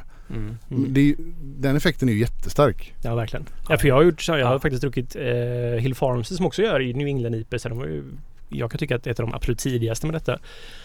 Jag tror inte de skulle erkänna själva att de gör New England IPA egentligen. Nej. Men det det är ju fortfarande där och det har jag provat blint med andra öl som och jag tycker alltid när jag dricker Treehouse IPA att så här, jävlar, eller eh, Hill Farms IPA att så här, fy fan vad bra det här är. Det, här, Mm. det går inte att göra det här bättre. Sen när jag provar det blind så är det som att här, jag känner inte knappt skillnaden på Nej. mellan de olika. Men det som också det som gör att Olle gör bra i en Hingleriper, jag har ju sett honom in work när han han är ju sjuk i huvudet med det ju att han när han hade öppnat en humlepåse, jag var inne på bryggeriet, det här var något år sedan. Så var det en påse som var öppen. Så här hade den stått öppen, vad du sa, det någon timme, då ville du inte använda den. Det var någon så jätterolig grej. Alltså något, någon påse som varit öppen eh, någon dag eller vad det var. Så, så nej men nu har den varit öppen för länge. Han har ju väldigt medveten om kvalitet. Mm. Och, ja, men det var ju det som gjorde skillnaden någon gång i början. Det där var nog bara att vi hade en påse som inte var... Ja. Vi hade en påse som... Jo, det var nog att vi hade öppnat en påse fel i... eh, i vi som skulle haft i koket då. Ja det är möjligt. Ja, och så det var liksom... Och då, men då slänger vi den om, för då, Mm. om vi inte använder den. Nej, och och dum, du dumpar öl. Det gör inte alla som släpper Nygden i Sverige. Nej, det har vi gjort en Så del. det finns ju massa saker som förklarar att det blir bättre också såklart. Jag tror hade faktiskt en olycka på bryggeriet i fredags. Vi Jaha. dumpade en öl, om inte med mening. Va? Ja. Det var en ventil lossnade när jag höll på. Så det Jaha. bara forsade ut öl. Det kanske inte var någon god öl. Jo, den var jätte... Fan vad bra den luktade faktiskt. Det var verkligen... Vi har fått tag i jättebra Amarillo nämligen. Så det var en Ah. 100 Amarillo. Men vi har bryggt om den så den kommer säkert... Men det var väldigt så här... Ja, Men det gick inte att stoppa det ens mot slutet eller? Alltså det var en och en halv bars tryck på den här tanken. Mm. Och det är liksom, och på, ja, ja på slutet så går det att stoppa men det, jag, då, jag vet inte vad jag ska göra med det liksom. Det, Passar ni på med lite glas då och ta så ni det fick... här var mitt i torrhumlingar. Alltså det går inte. Det är som är så här, Ja, alltså du kan inte ens hålla handen Nej. för det bara sprutar ut i den hastigheten liksom. okej. Det, det cirkulerar rätt mycket sådana filmer från USA Mm. på nätet när, när bryggerier, någon gör något fel, öppnar någon Ja, fel jag tycker det är lite fel alltså här, att man gör det som en rolig grej liksom. Det här är, det är inte roligt. Nej. Ja. nu berättar jag det här som en lite rolig grej men nej, jag, det var ingen rolig fredag. Jag hade precis städat golven och det var så här slutet på dagen. Man ska bara gå hem och så bara så här. Vad fan. Mm. Men rätt mycket pengar också igen den tanken. Ja det är det. Kvilt Beer. I vilken miljö gör ölen bäst intryck? Typ hemma själv, på krogen, med vänner eller ute i skog och mark? Ute i skog och mark? Va? Det är, brukar ni ta med öl ut i skog och mark? Nej det gör jag faktiskt inte. Inte så ofta. Nej. Mm. Du snackar ju mycket om krogen, Olle. Jag gillar krogen för att det är liksom, jag tycker ölen gör sig bäst på krogen. Det är där jag uppskattar öl absolut mest. Det är bara så avslappnade sociala sammanhang. Alltså vi, snappar, vi snackar ju om att det är en social grej. Vi- Jag tror Mm. vi återkommer till den. Men jag återkommer ju alltid till matlagningsölen. Och då gör jag alltid själv. Mm. Det, jag älskar då, då är jag ju helt själv. Ja, Mm. ja, men jag fattar. Men om man tänker på de här situationerna då öl är som allra allra bäst. För mig är det så här, då är det mycket sammanhang. Bryggeribesök och när man dricker på deras, om de har någon eh, pub eller någonting. Det har, många av de minnena har fastnat som något av det godaste jag druckit. Då är det ju att man är på plats där det görs och den känslan. Och så. Mm. Ja. Så, och det, jag, nog, ja, jag tror att de flesta de tänker på när har jag tyckt öl varit som allra, allra godast. Då är det nog inte när de sitter i soffan och kollar på Idol. Det kan vara matlagningsölet om man är själv. ja. Mm. Och det kan vara när man är med folk på en bra plats. Och, Men vet, vet, matlagningsölen, man lagar ofta mat. Jag lagar ofta mat kanske mellan fem och sex eller strax innan sex eller sådär. Och då är det ofta lite ljus in från fönstret. Man får en så fint ljus i rummet. mm. Det tycker jag också är viktigt. och det är en egen tid just då. Ja, Mm. Eller hur? När man lagar det, mat och tar en Ja, det är sant. Det är, det är en fin stund. Mm. Eh, så ett bäst intryck? Ja, nej alltså framför tvn sen, nej. Jag tycker inte heller, då tycker jag inte den alls är bra. Jag tycker jag har, inte, jag har ju inte tid att vara på krogen lika mycket som jag hade Nej. förr liksom. Och inte orken heller egentligen. Men, och jag kan sakna det faktiskt. Ja. De här, Ja. Jag tycker att hypa upp en öl innan man dricker den. Mm, det tycker jag är väldigt bra. Alltså man själv liksom, oh den här! men jag tycker det var väldigt trevligt. Jag drack öl med er igår. På, visserligen på bryggeriet. Ja. Men, eh, att vi Ja men det var trevligt. Ja. Weisses. Det var trevligt. Ja, man, ja, man Även om det var var väldigt eller snabbt och hetsigt. hetsigt. Martin hade bråttom. Men jag ville ha lite tempo, stå där och vänta på att... eh, Nej men det tyckte jag var trevligt för att det var, vi kunde prata om öl och Erika var med och kunde ge lite inside Ja. information och så här. Det var, man fick ett, det liksom breddade sammanhanget tack vare att vi var flera personer och Ja. vi hade också ett intresse för vad vi faktiskt skulle dricka. Plus att man lär sig så otroligt mycket mer när man dricker öl med andra. mm. Faktiskt. När Ja. de säger saker. Man lär sig jättemycket på det. Ja men då, då förstår man vad den smakar. Ja men man får ju hjälp liksom. ja. Ja men när Erika sa nail polish, då förstod man direkt alltså. Ja, men precis. Och det är ju som att så här, det är, man ska inte underskatta att man har flera paletter samtidigt för att så här, det- oftast är det som att känner jag en sak så då känner jag den och sen så Mm. nästa klunk kanske jag känner en annan men det är liksom Det är svårt att känna tio smaker på samma gång liksom. Ja och så mig. kan man känna saker men man hittar inte språket för det. Nej precis. Som andra har. Helt sant. Ja. Lost in Fungus, se gärna era takes på frågan kring gårdsförsäljning. Det är väl i dags dato gjorts eh, två utredningar där båda har konstaterat att det inte går att kombinera Systembolagets ensamrätt med gårdsförsäljning. Vad är era synpunkter och om ni är för, hur kan man som konsument stödja bra progressiva krafter som arbetar för gårdsförsäljning? Undrar Lost in Fungus. Ja, jag tror ju gårdsförsäljning är väldigt långt borta faktiskt dessvärre. Så jag Det vet är- inte. Jag, Alltså jag kan se en jättefördel med gårds, just gårdsförsäljning. Om man håller den tight eh, och det verkligen är en gårdsförsäljning och inte ett sätt för spritproducenter att få ut en, en spritvin eh, med godissmak eh, Mm. till barn. För, alltså, nej, men, ren- ja, men Mm. det är ju en överdrift såklart va? men, men en, en riktig gårdsförs, gårdsförsäljning tror jag på. Ja. Alltså jag tycker att det borde gå att kombinera med Systembolaget. Jag ser inte att några hinder för det egentligen. Nej, jag är också jättepositiv till, till det. Kan inte Systembolaget hålla i den? Alltså är ni med vad jag menar? Alltså Nej, men, men i den här diskussionen ibland, de här utredningarna, jag är inte insatt i hur de görs och vem som påverkar dem och vem de, hur de gör det. Men det är ju, när man pratar med bryggerier om det här, då alla antar hela tiden att det går inte att kombinera, det är utgångspunkten. Och, och jag vet att många bryggerier är idag, fast de vågar inte säga det utåt, men de är skept, de är negativa till gårdsförsäljning ur ett affärsperspektiv. För om det skulle innebära att Systembolaget försvann. Mm. Men de kan vara privat personligt tycka jag skulle vilja ha det men de går inte ut och promotar det. Nej men hur stort kan det, alltså om du har det på ett ställe, om du har det på bryggeriet, Ja. säljer du därifrån. Så som man får sälja folköl idag. Mm. Du har ett ställe, hur stort, alltså Men det är också så här att det är anledningen till att många bryggerier är, kanske inte säger det men att de är skeptiska. De vill ju ha Systembolaget för att Systembolaget är ju en väldigt enkel kund och liksom Mm. hela deras verksamhet är uppbyggd på att de kan enkelt sälja till eh, till Systembolaget stora volymer utan massa mellanhänder. Det är liksom direkt pengar in.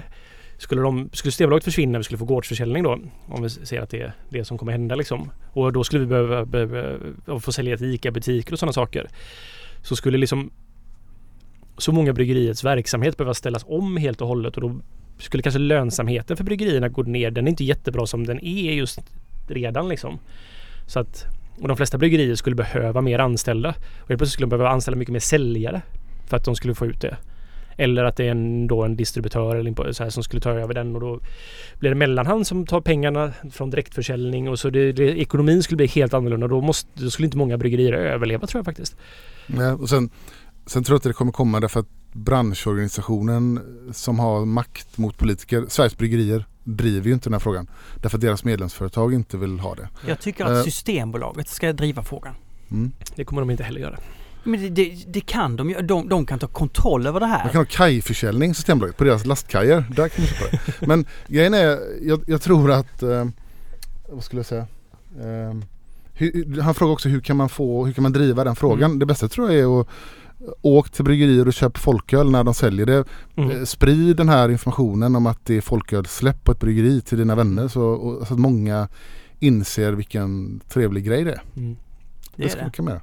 Det är det. Det är som min, den, den drömbilden jag hade om Trillium som nu är slagen i kras. För det verkar vara ett väldigt uptight bryggeri. Men den bilden av att hur man åkte dit med sin bil och bara fyllde bakluckan och helt färsk öl. Mm. Ja. Ölslappet. Tips på mindre bryggerier för att ta sig in på lokala krogar. Hur ska mindre bryggerier komma in på lokala krogar? De ska, ska de ringa dem kanske bara och säga ja, hej, alltså jag har öl till er. Gör bra öl. Eh, prata med krogarna vad de behöver. Mm. Alltså man, man, där måste man ju vara lyhörd liksom för där är ju, de är ju kunderna där liksom så att och eh, oftast handlar det för oss i alla fall, vi är ju inte så, vi, alltså vi har ju ingen säljare som åker runt och säljer till lokala krogar utan vi har ju en kontakt med, eller så här, vi har ju liksom ett samarbete sedan lång tid tillbaks och i början var det svårt liksom. Vi fick ju alltså när vi lanserade OO, det var ju jätte, folk var jätteskeptiska till oss liksom. Mm. Men det blir ju, gör man bra öl och liksom arbetar upp ett varumärke och får en personlig relation med krogen och man får ett förtroende för varandra så Mm. ja, det är det man ska göra helt enkelt. Men sen räcker ju inte det alltid eftersom Nej, vi har den här svulsten med, med avtal med större krogar och sådär att det är svårt att få in det på fat. Ja. Då kan man göra som Pang Pang gjorde jag vet, tidigt, jag vet inte om han gör det fortfarande. Att han kontaktade ju mindre ställen eh, och ställde dit en Linder. Mm. Eh, och, och fick ha sin öl på den linden och det är en investering på, jag vet inte vad kostar en enkrans, 3, 4, 5 tusen. Eh, och då har du en egen fatanläggning på en krog. Då gör man ju lite som de stora visserligen. Man gör som de stora Ja. men det kan ju också vara det enda sättet att komma in på, Mm, dem, på, på en del krogar. Martin Paulsson. Paulsson. Han borde heta Paulsson va? Eller Pälsson. Martin inte. Pälsson. Mm. Tänker ni någonsin på bilden av er själva när ni handlar öl? Ponera följande. Olle, meriterad bryggare och ölkännare, går in på Systembolaget. Du går med bestämda steg mot hyllan, lokalt och småskaligt, men på vägen passerar du en nystaplad trave. Arboga extra stark, 10,2. Du tänker helvete vad gott det hade varit med en hyllvarm båga. Men vad gör du? Plockar du på dig ett par loggburkar raketbränsle eller avstår du på grund av skammen att dels köpa ölen men också för att inte riskera bilden av dig i ölkretsar om du blev påkommen? Alltså det, det är en hypotetisk fråga, Ja. men principen? Nu handlar jag på Systembolaget så väldigt... Här, I Nej, det här så köper jag oftast vin faktiskt. Ja, Men... Eh, nej, jag, jag skulle nog inte ha problem att köpa Arboga 10,2. Jag köpte Arboga 10,2 för ett par veckor sedan. ja. för att ni skulle få prova en varm eh, båga. Ja. Ah. Men den glömde jag hemma i morse. Så nästa avsnitt tar vi det. Så jag har inget problem med det heller att köpa Nej. pinsamma. Jag kommer ihåg vid något tillfälle så var jag på Systembolaget och jag hade köpt på mig eh, och då hade jag köpt ganska mycket så här. Det var, det var Tuborg eller Hoff eller något liknande som jag hade köpt. Och det här var samtidigt som, och då hade jag Lucy, köpt Lucy också. Det var första gången jag lanserade Lucy. Jag kommer inte ihåg varför men jag skulle bara ha, jag skulle ha liksom enkel pilsner. Och så kommer jag ihåg att det var någon före mig som också hade massa Lucy och bara så här. Det här är en ölnörd och den här personen såg mig och då hade jag Aha. Hoff i varukorgen. Jag kommer ihåg att det var så här. Hoppas den inte känner igen mig då. Ja, då skämdes då, lite. då skämdes jag faktiskt lite. Men det, det stoppar mig inte för det. Men jag kommer Nej. ihåg att det var som att så här. Ja, jag hade någon loose och så hade jag massa. Ja, för viss typ öl hade jag kanske skämts över. Men det är inte de, det är inte de fulaste ölen. Utan det skulle vara en så här, om man köper en så här livsstilsvarumärke som är pinsamt. Vad heter det italienska ölet som har blivit så jävla stort? Peroni. Peroni. Ja. Jag hade skämt om jag kom med en låda Peroni. Eh, Ja, det hade jag skämt. Det hade jag också gjort. Jag hade mycket hellre köpt en låda Arboga 10,2. Ja, Ja, men jag- jo, men jo. Alltså, Men jag hade skämt om jag hade gått och köpt en eh, låda eller en flak med pilsner och Kell också.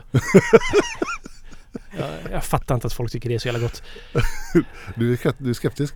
Alltså ja det är jag. Men för att det, du inte gillar uh, smörkola. Ja. Mm. Jag Ja. tycker inte den vanliga Urkel är god. Alltså jag kan uppskatta den ofiltrerade. För där försvinner ju smörkolan. Alltså tydligen försvinner där för att gästen är kvar och helt enkelt arbetar bort den. Jag gillar inte tanknova-grejen. Jag tycker det är vidrigt liksom. Tycker du det? Jag Ja, gillar jag, fan det. jag tycker inte, alltså jag tycker verkligen men jag gillar verkligen inte diacetyl. Så jag tycker inte det Nej, smakar jag, gott det, jag gillar alls. ju det. Alltså, dieselgrej. ja, alltså då, om, man går, om man har problem med detta då, är- då är man ju stor i sig själv. Då tror man att man själv är väldigt viktig. Eh, och man, man, man, självkänslan är inte helt stark heller. Nej. Men så kan det vara. På tal om eh, tjeckisk öl. Jag drack en eh, lite Budvar eh, under semestern också. Mm. Vad, vilken fin burk de har gjort. Ja, Det är en jättesnygg burk. Aha, Ja. Budvar. ja. Ja men snygga sä- färger och lite renodlad så. Sen så upplevde jag en, det var en ganska, jag vet inte om Alltså det var väldigt, jag köpte vid något tillfälle och det var en väldigt stor skillnad på dem upplevde jag. Ja, Faktiskt okej. att det var, jag tyckte det var en, det var en som var, det är inte en dålig öl på något sätt, det är inte världens bästa öl heller men Det är mycket bättre tjeckisk öl än vad uh, Urkel är tycker jag. Men där var det en av dem var sådär, oj det här smakar inte alls gott. Men det kan vara det, jag vet inte, det var... Men gjorde inte Jankon en jämförelse? Eller han tyck- tyckte att de smakade väldigt olika burk och flaska. Nej det här, och men det här var ju mellan burkar alltså. det var mellanburk. Ja det var mellan Mm. burkar. Fredrik, vad, vad, vi- fick en fråga tidigare om inte ölpölen borde göra en öl. Jo det borde vi. Men eh, vi, vi, Har inte vi pratat om det? Det gör vi säkert. men vi fick en fråga om det och då frågade jag om Olle ska göra den. Och Det tyckte jag väl ändå var lämpligt. Mm. Alltså jag skulle Stiberg göra den istället då? Nej. men du och jag Martin gör den såklart som så här fantombryggare och skickar receptet till Olle via fax. och sen gör han den och sen blir den skitbra så blir du och din måste Ja. innebära att du och jag är- Sveriges bästa bryggare. I- För så funkar ju logiken. Ja eller? men ja, det det här är bra. Tycker jag. Ja. Ehm, och då får jag göra en öletikett. Ja, ah, där har vi Jättefin burk. Budvar. ja men vad, vad pratar ni om vilket typ av öl ni skulle göra? Mm. Barley wine? Nej men eh, Olle sa Olle. Men jag tyckte ändå Olle att... sa Olle? Jag tyckte, nej Olle sa en, eh, en barley wine. Ja. Men jag tänkte att en Märtsen skulle vi alla kunna komma överens om. Ja. Men jag tänker ju barley wine med calvadosfat så det blir äpple i den åt Martin. Ja, men jag, barley wine kan vara helt okej, Mm. ja. Men varför? Vi kan lägga vi inte- Märtsen på Vi kan väl dricka något, göra något som är, som är supergott istället. Vi kan göra flera. Mm. Ja. Olle bara mm. mm. Nej men och hur mycket pengar får vi då per burk? För Ja. att vi... eh, Om, eller vi gör recept, men då får vi betala. Eller jag förstår, hur går det till? Om vi gör ett recept Ja. och vill fantombrygga det hos dig. Mm. Du, fast du brygger det. Vi hyr in dig som... det blir Erika svin- kommer att brygga den tror jag. Erika brygger den. Ja. och, men hur går det till? Och så säljer ni den och då... Men då vi tar åt oss äran Martin, det är viktigt. Ja, vi får inga pengar för det. Jo, jo det ska vi också ha. Jaha, Det är det viktigaste, inte ska få det- pengar för det. Liksom. okej.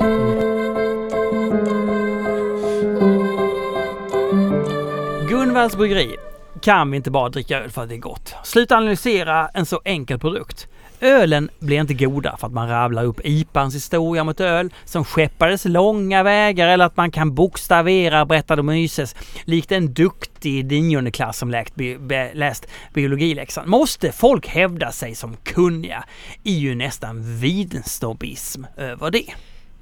Så det finns ju en besserwisser-jargong som kanske man kan skippa liksom. Om så här, för det kan jag känna ibland att det är så här en tävlan vem som kan mest om en ölstil och liknande och det är väl jag skyldig till själv väldigt mycket. Ja, men det är vi väl där då. Men jag har många besserwisser-drag i mig. Ehm, Men jag menar som igår när vi satt och pratade om öl och jag tyckte det förstärkte upplevelsen jättemycket. Ja, absolut. Det, det finns plats för snobbism och det finns plats för bara att dricka bärs och det finns... Det finns plats för både och tror jag. Ja. Men- Svaret men- är att jo, det kan man, men man kan också göra åt helt andra hållet och man kan gå in hur nördigt som helst i det. Ja. Och man kan dricka öl och vara helt onördig och inte... Man, man kan också vända på det. Att vad som hände, vad som, vad som hade hänt och vad som hände när... Eller hur var situationen när man aldrig tänkte på öl eller pratade om öl eller analyserade öl eller gjorde det till något större än bara en vätska. Då, det var ju Sverige på 80-talet. Ja, då, vi hade behövt vara Tyskland på något sätt där, där öl är mer som bröd, en daglig produkt. Och det, så var det ju inte i Sverige. Nej, men fördelen med Tyskland när öl var, eller är en daglig produkt är att det är en bra daglig produkt. Sverige var ju, eh, det var ju en ganska, inte jättebra produkt, inte som en, som en tysk produkt. Och ingen brydde sig. Öl var ju liksom mjöl. Och, och när folk började ställa frågor på 80-talet, vi märkte det när vi intervjuade om boken då, när Håkan Lundgren då de ställde frågor till bryggerierna. Så blev de skitnervösa, det var ingen som visste någonting. Det var ju, liksom, det var ju motsatsen till nörderi, det var ingen som brydde sig om produkten. Mm. Och om ingen hade brytt, börjat bry sig om produkten då hade vi haft kvar samma situation. Eller hur? Så Mm. att, eh, ja, nej, man måste, så frågan, jag gissar att han, han hade klart han skojar i frågan men det finns ju ett allvar också. Det är klart man måste ju inte alltid hålla på och analysera öl. Det är väldigt skönt att slippa göra det ibland. Mm. Ja, men och jag tänker, ju, ju mer när jag pratade med, ja men det, när jag pratade med Jonny så sa han det, när han går ut och dricker öl då, då tar han en Pripps blå. Varför, varför ska han ta något annat? Eh, och, och, och sådär va. Så att eh, Olli avslöjade vad han dr- dricker hemma och det, det är ju också Pripps blå. Men det är nästan en Ja. omvänd snobbism, är det inte det? Nej men det är bara för att det är så enkelt och man behöver inte överhuvudtaget tänka på vad det här är för någonting han dricker. Man behöver inte analysera vad man dricker. Men det Utan- ju, jag kan ju tycka jag... Det är ju slösa bort levern liksom på något sätt för mig.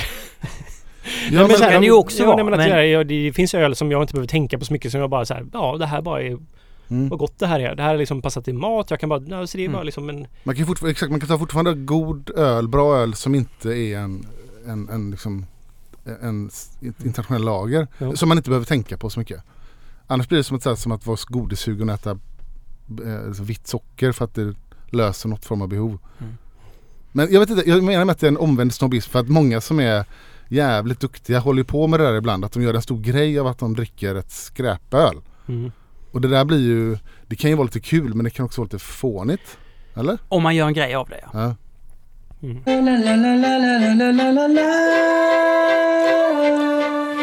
Till detta avsnittet så valde vi alltså då Berliner Weisse. Alltså det här är ju den, Jag tyckte det här var jätteintressant. Ja det var det. Att, det var också lite skönt för vi spelade in förra avsnittet för ganska länge sedan i och med att jag skulle på semester så spelade vi in det mycket tidigare än vad vi brukar göra liksom.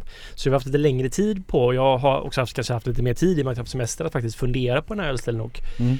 efterforska på ett sätt som jag kanske Aldrig inte, har gjort. Ja, inte riktigt gör annars liksom. Nej, men det, alltså, och det roliga är att jag tycker inte Berliner Weisse är speciellt gott. Det är inte min öl. Det är liksom, det är, ja, det är bara liksom, det är inte min ölstil riktigt. Jag, alltså sur öl är inte min ölstil överhuvudtaget. Jag gillar lambiköl väldigt mycket för att de har den här otroligt komplexa men bara alltså surheten i sig är inte riktigt vad jag är ute efter. Jag gillar oftast väldigt milt sura öl mer än hårt sura öl. Det är liksom inte min riktigt favoritsmak. Eller typ som champagne till exempel. Jag tycker inte champagne är gott. Jag tycker det är lite för surt och bubbligt. Mm, mm. Ja, ja. Mm. Men det var så att det var liksom den ölstil som jag kanske brytt mig minst om rent smakmässigt. Men brytt mig väldigt mycket om som vad det Ja. handlar om liksom. Det var väldigt roligt att läsa om det här och liksom Och grotta ner sig. Ja men verkligen och sen har det ju inte funnits eh, Det finns olika skolor inom Berliner Weisse och det har hänt otroligt mycket där sista ja, fem åren Ja. faktiskt som är skitspännande och då både att vi har, det har dragit åt två håll, både de här lekfulla eh, liksom inriktningen och med att man har återupptäckt eh, klassisk Berlinerweisse som inte har funnits. Så Det har varit helt dött faktiskt. Men vad börjar då? Var kommer Berliner Weiss ifrån? För det, det, det låter som att det är något som är från... Jag, jag, för att säga det, Mm. Berlinerweisse dog ju ut i stort Det sett. var dött ja. Ja. Jaha. Det, det, det var en ölstil som dog ut och sen så återuppstått. Ja. Får jag ändå säga. Precis. Ah. Så, men, men det måste ju ha sitt ursprung i Berlin tänker jag. Mm. Om man inte var i Hamburg och jättegärna ville till Berlin och därför uppfann stilen. Ja. Nej, men jag gissar att, att vi måste ha befunnit oss i Berlin någon, gång. Ja, i Tyskland eh, generellt och veteölsbryggning var ju stort på flera platser.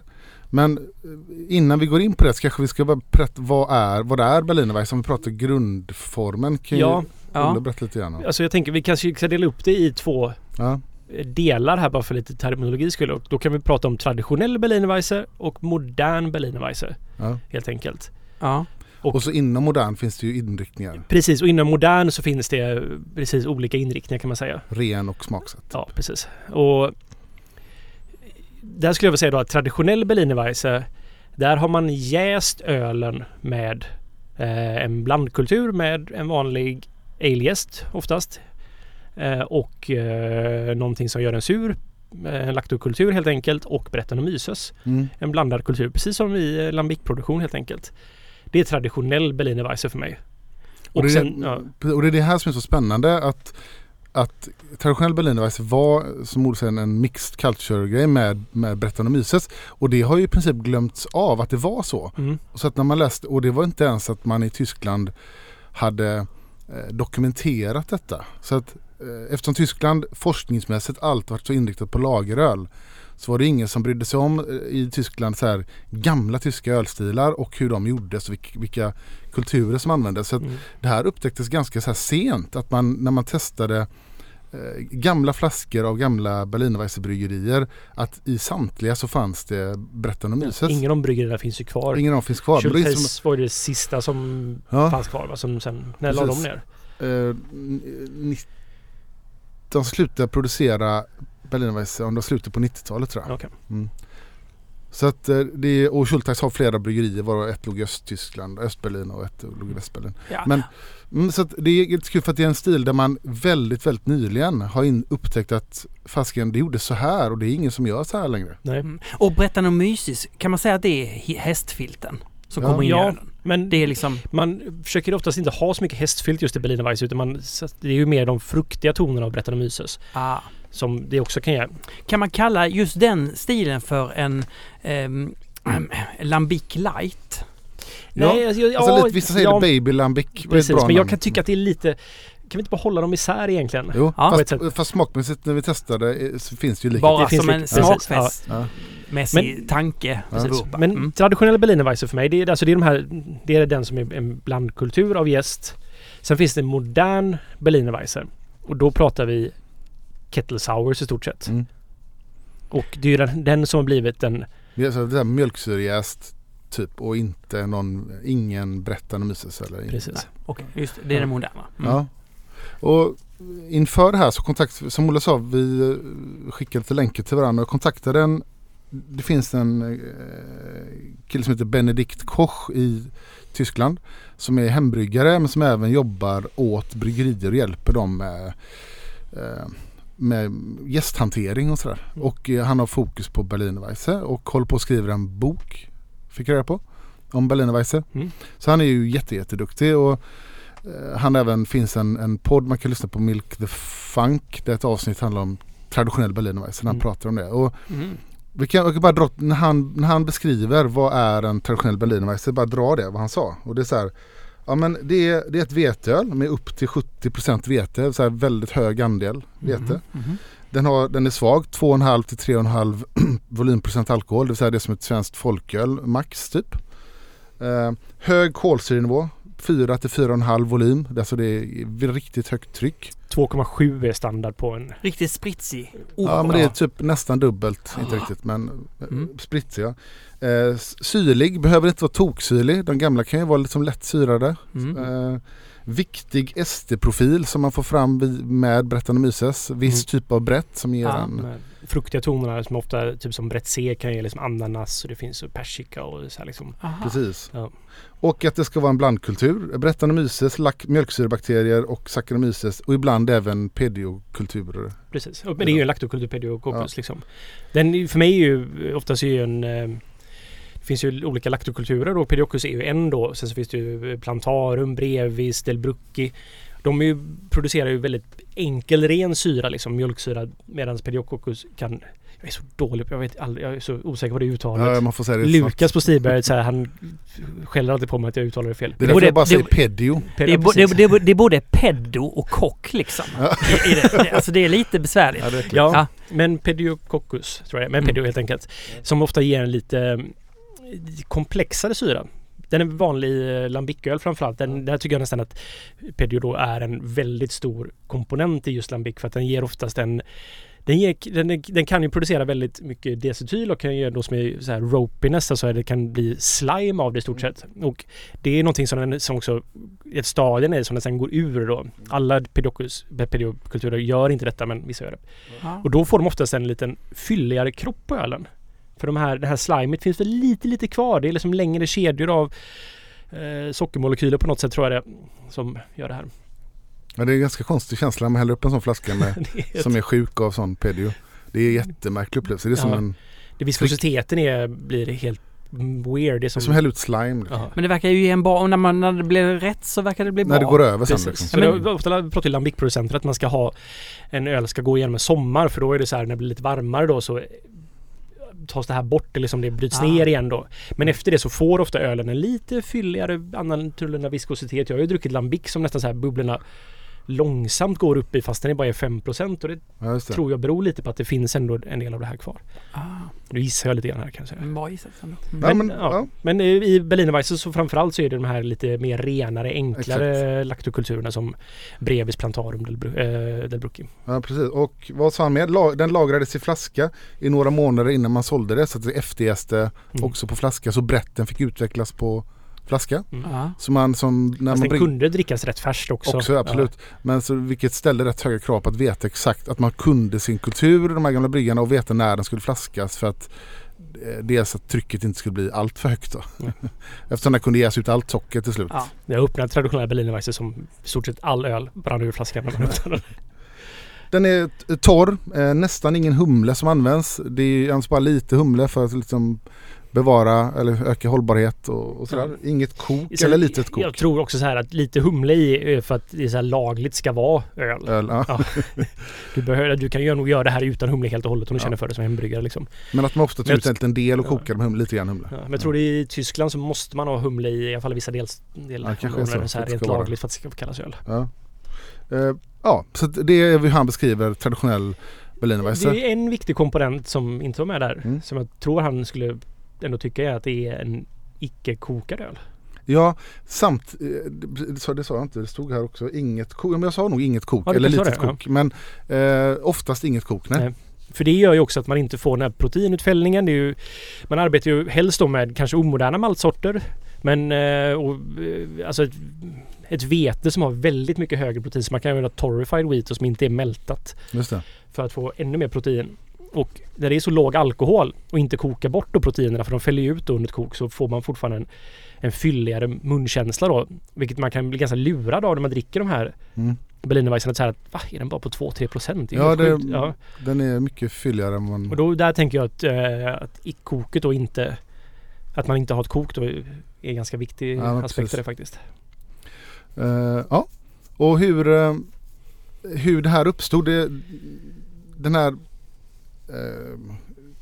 Benedikt då, han pratar om att det man tror, den huvudsak, hypotesen som så här, de som forskat i Tyskland om Berlinerweisses ursprung är att den kom till Tyskland med hugenotterna som från eh, Frankrike på Mm. slutet 1500-talet, början 1600-talet eller under 1600-talet. Mm. Eh, som eh, de hade tydligen rätt att brygga öl. Det hade ju inte alla grupper. Utan de hade rätt att brygga. De kom från delar av Frankrike där eh, man hade erfarenhet av vinproduktion och även champagnemetoden, alltså att jäsa på flaska. Mm. Och, sådär. Ehm, och det finns också lite hypotes att vissa av dem kommer också från, från eh, ja, det som är Belgien och hade lärt sig en del av eh, jäsning, eh, mixed fermentation jäsning där då. Så de kom till Tyskland och kom till Berlintrakten under 1600-talet framförallt och många av dem började brygga öl. Så att det blev också väldigt stort med veteöl i, i norra Tyskland. Och vid något tillfälle på 1800-talet så fanns det över 100 Weissbier-bryggerier i Berlin. Det är rätt häftigt. Det är rätt sjukt faktiskt. Och det finns ju väldigt likartade stilar som den här... Vad heter den? den rökiga veteölen. Lichtenheiner. Lichtenheiner, precis. Ja. Som också är syrlig. Gåse vi, som också ja. är från de här områdena. Det finns ju besläktade öl, vetebas liksom med, med lite annan kultur än bara ölgäst så att säga. Och eh, vad med det här spred sig blev jätte, jättestort och det var också som det också varit i Sverige. Man drack det här liksom istället för det var safe liksom drink. Det var istället för vatten. För det var också så, så svagt så att det var någonting som var en vardagsdryck. Eh, Det dracks i enorma mängder. Till och med barn drack det. Eh, vilket om man ska killgissa lite kanske är ett också tecken på att det kanske, det kanske varierade också hur surt det här Mm. var. Eh, för att fanns, Min, gissning skulle vara att det är liksom med tiden så blev det surare men att det kanske när jag var färsk så var det nog inte Var speciellt. inte så nej, nej. Men det är liksom, jag skulle gissa att det är så Ja. liksom. och, och han berättade också att det finns, eh, det fanns till och med namn för när en Berlinerweiss hade blivit dålig eller alldeles för sur. Eh, då kallar man no, eh, nullweisse, alltså noll, nollvete. Och då så kunde man söta upp det här med någonting om den var alldeles för sur eller för dålig. Det menar han också var lite grann ursprunget att man började eh, också använda sådana olika typer av syrups, eh, sirap, fruktsirap och sånt i, i Berlinerweisse. Och det också blev någonting, blev en sån reklamkampanj kring det här på 20-talet. Ah, Okej, och, det, och det, det, det, det är den här grejen då att man kan man, man får en grön eller röd sirap. Ja men precis och det fanns en sån här eh, känd reklamkampanj i Tyskland där man jag vet inte om det var Schultheiss eller nej, det var nog Kindelbryggeriet som gjorde som en ett trafikljus liksom. Rött, gult, grönt. Och man Ah. kunde få vilken man... Man kunde få gul också Ja alltså. det, var- det var den rena då. ah, ja, ja, ja. Och, och det är ju liksom en så idag i Berlin om du ska köpa den här Berliner Kindle. Den köps, det är ju väldigt få som köper den rent. Ehm, utan man får den med eh, smaksättning. Antingen som mysk, myskmadra, det är, en ört som gör den grön. Eller med sån hallon eh, schutz, liksom, att det blir en hallonsmak på den. Mm.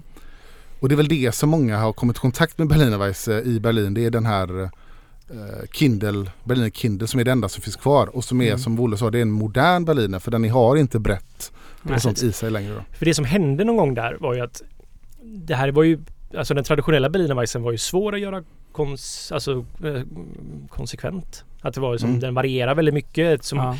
storbryggerier drog ju sig då helt enkelt för att göra detta. Det var en komplex, det tog lång tid i och med att den skulle ligga på så stora träfat länge och mogna och sådär. Så att man försökte väl hitta snabbare sätt att göra den här ölen. Med industrialisering och att man eh, så Berliner Kindle patenterade ju en gång i tiden en process Just det. som egentligen då är typ kettle sour kan man säga. Men det var ju det de gjorde att de, de hade då en teknik för att göra Mm. ölen sur som gick snabbare. Ja. Men den blev ju då kanske inte så komplex. Så då passade det bra att man kör in lite frukt Ja. eller mysk, myskmadra Myskmadra. Ja. i den och sådär. Och det har ju blivit, det är ju med att Berliner Kindle var ju det bryggeriet som överlevde. Mm. Så när man då började titta, alltså det blev ju, alltså suröl blev ju väldigt populärt.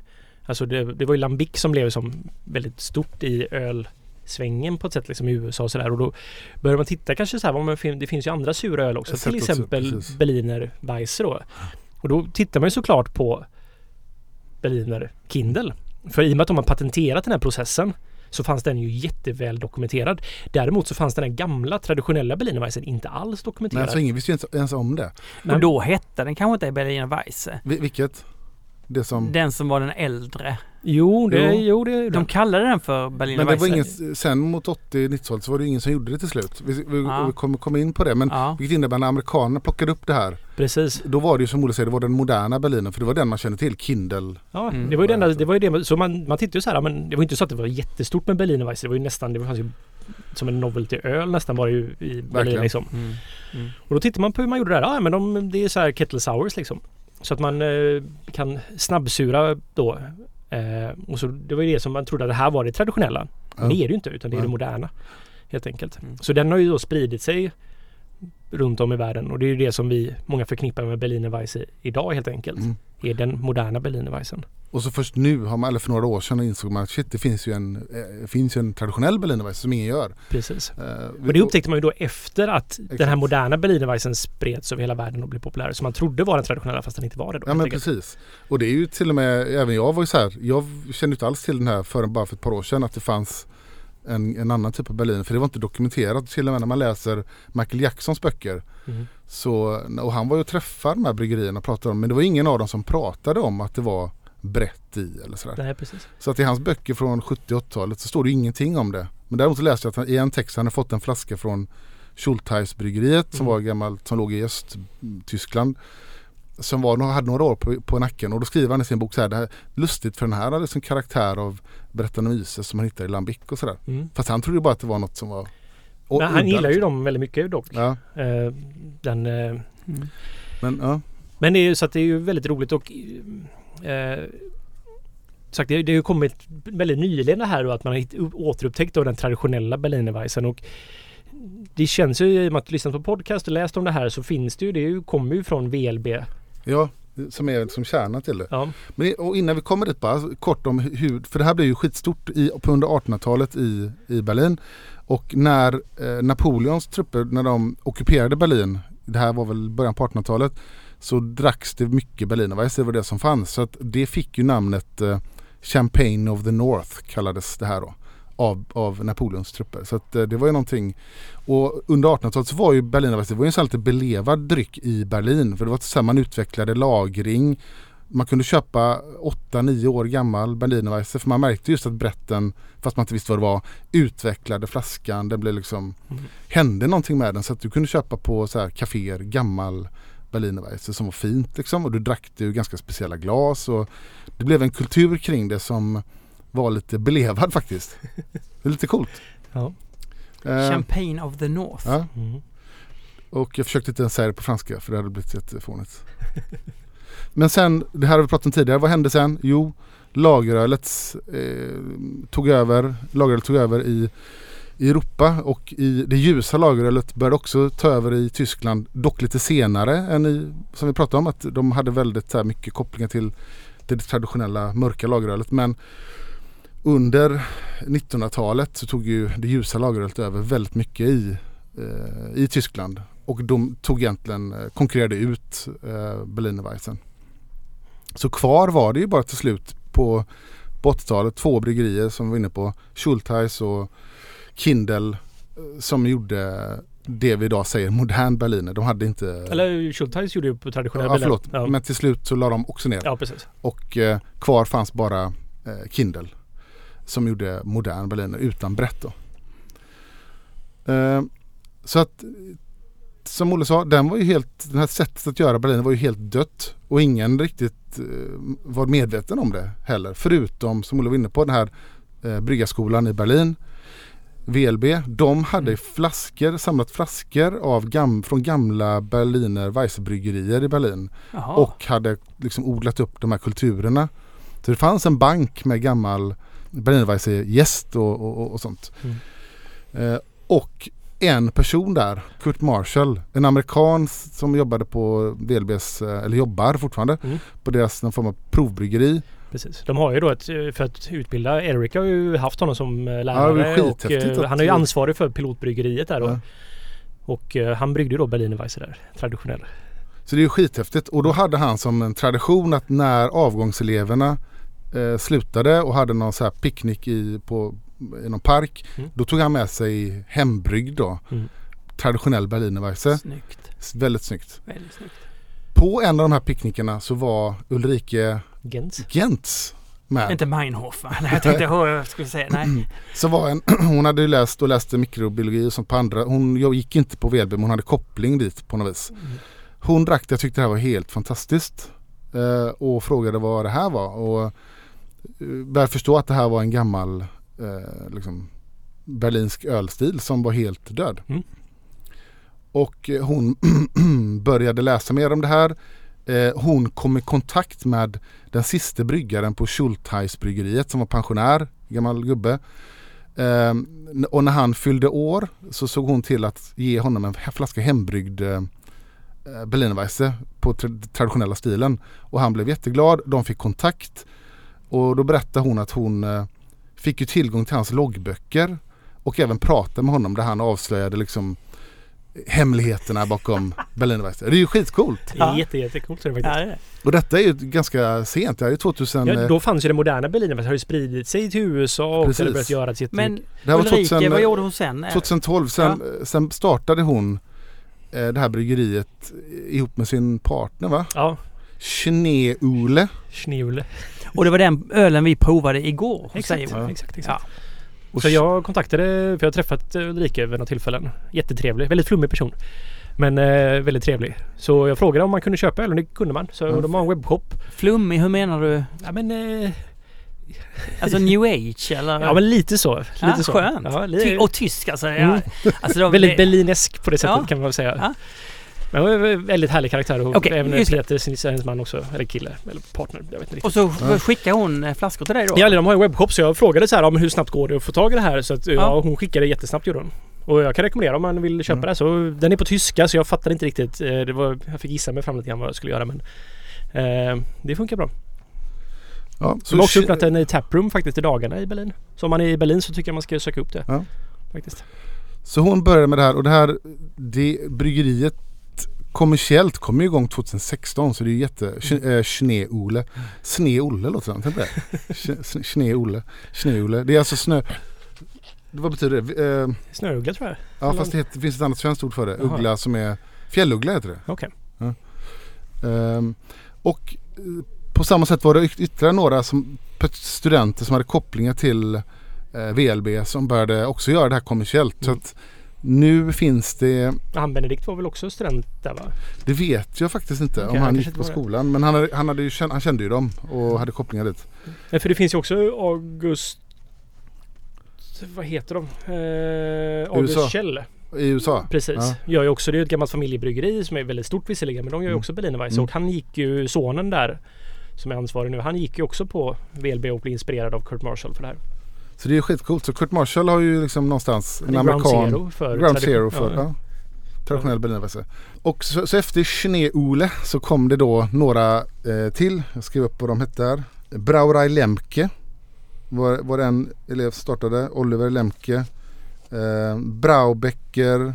Berlineberg var också ett, Mm. ett bryggeri. Så det finns eh, fyra bryggerier i Berlin enligt den här han- Benedikt. Benedikt ja. Som gör traditionell berlinerweisse idag och så finns det tre i övriga Tyskland som gör traditionell berlinerweisse. Men då kallar de inte det berlinerweisse för det, är ett det, det finns något form av internt i Tyskland, ett skydd för namnet att det måste göras i staden Mm. Berlin för att heta berlinerweisse. Så det heter ju staden och tillägg Weisse i andra delar av Tyskland. Hamburgerweisse. Ja, Mm. Och Florida Vice till exempel. Och det är, det är ju en respekt att man faktiskt inte kallar det Berliner Vice utan man faktiskt tar sin egna. Jag tycker det är lite snyggt också. Mm. Därför då, då det, det finns något... ehm, Så jag vet inte, om vi börjar göra Berliner Vice så får det kallas för Hisingen Vice eller liknande. Hisingenweisse. Hisingenweisse. Tingstad Vice. Ja. Men ska vi prova något från eh, Schneeule? Eller? Mm. innan vi går vidare till det moderna. Det är perfekt. Ja. Jag kan också bara säga att 2018 så var jag i Berlin på Berlin Beer Week. Bara där som gäst faktiskt. Jag var på väg ner till ett bröllop i Italien så jag stannade till där med Ivan. Och då var det faktiskt en eh, typ Berlinerweisse festival. Eh, med och då var faktiskt Bräckeriet med där. Vilket var väldigt roligt tyckte jag. Så som Bräckeriet, även om de inte gör Berliner Weisses egentligen. Ja. Så kan jag tycka att det finns en Verkligen. en, vad ska man säga, det, det finns en väldigt, de gjorde ju traditionell Berliner Weisse innan man visste att det fanns något som hette traditionell Berliner Ja. Weisse. Vilket jag tycker är väldigt roligt faktiskt. Det är så jävla coolt för att jag snackade lite eller skrev lite med Christian på Bräckeriet. Mm. Det som Olle sa, han, eh, eller de, de gjorde traditionell Berlinerweisse utan att veta att de gjorde det. Mhm. 2014 redan. Eh, gjorde de en, som, som var en tanke med Berlinerweisse men så hade de sin brettkultur som de hade i all sin öl. Ja. Så de gjorde ju detta utan att veta om det. Det är skitcoolt. Nu kan man säga att så här ska ju inte Berliner Weisse se ut egentligen. Nu är den här väldigt uppskakad den här. Alltså den Den är här mjölkig. Ja, precis. Det, det är ju för att bottensatsen har rört sig upp här nu. Den här Berliner Weisse ska ju vara klar. Den, den ska vara... Jag kan tipsa om en centrifug. Men det, om man, det är ju, den är flaskjäst också. Då spelar det inte roll om man har en centrifug. Nej, okej. Men det är ju bara att vi har rört upp det lite grann nu när vi har transporterat ölen hit. Och det här, här känner man att det är, det är lite funk under ofta på det här. Så Det är det. Och den här är inte smaksatt. nej. Nej. Nej. Det här är den rena. För de hade ju också några smaksatta. Ja precis.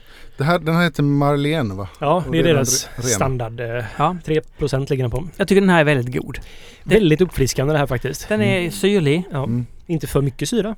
Nej. Nej. Men det är sant. Om jag ska, men samtidigt, ska man välja en eh, suris så eh, vill man väl ha hästfilten? Vill man inte det?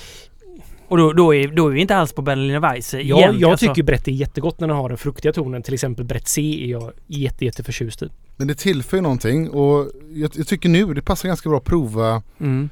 eh, den, den enda Berlin eh, re, moderna, alltså Kindle. Absolut. Mm. För att då förstår man någonstans eh, varför man började smaksätta Berlinerweisse. för att den är, den är ganska tråkig. Den är otroligt tråkig. Det är, det är liksom en lätt syrad kulsch liksom. Ja. Ja.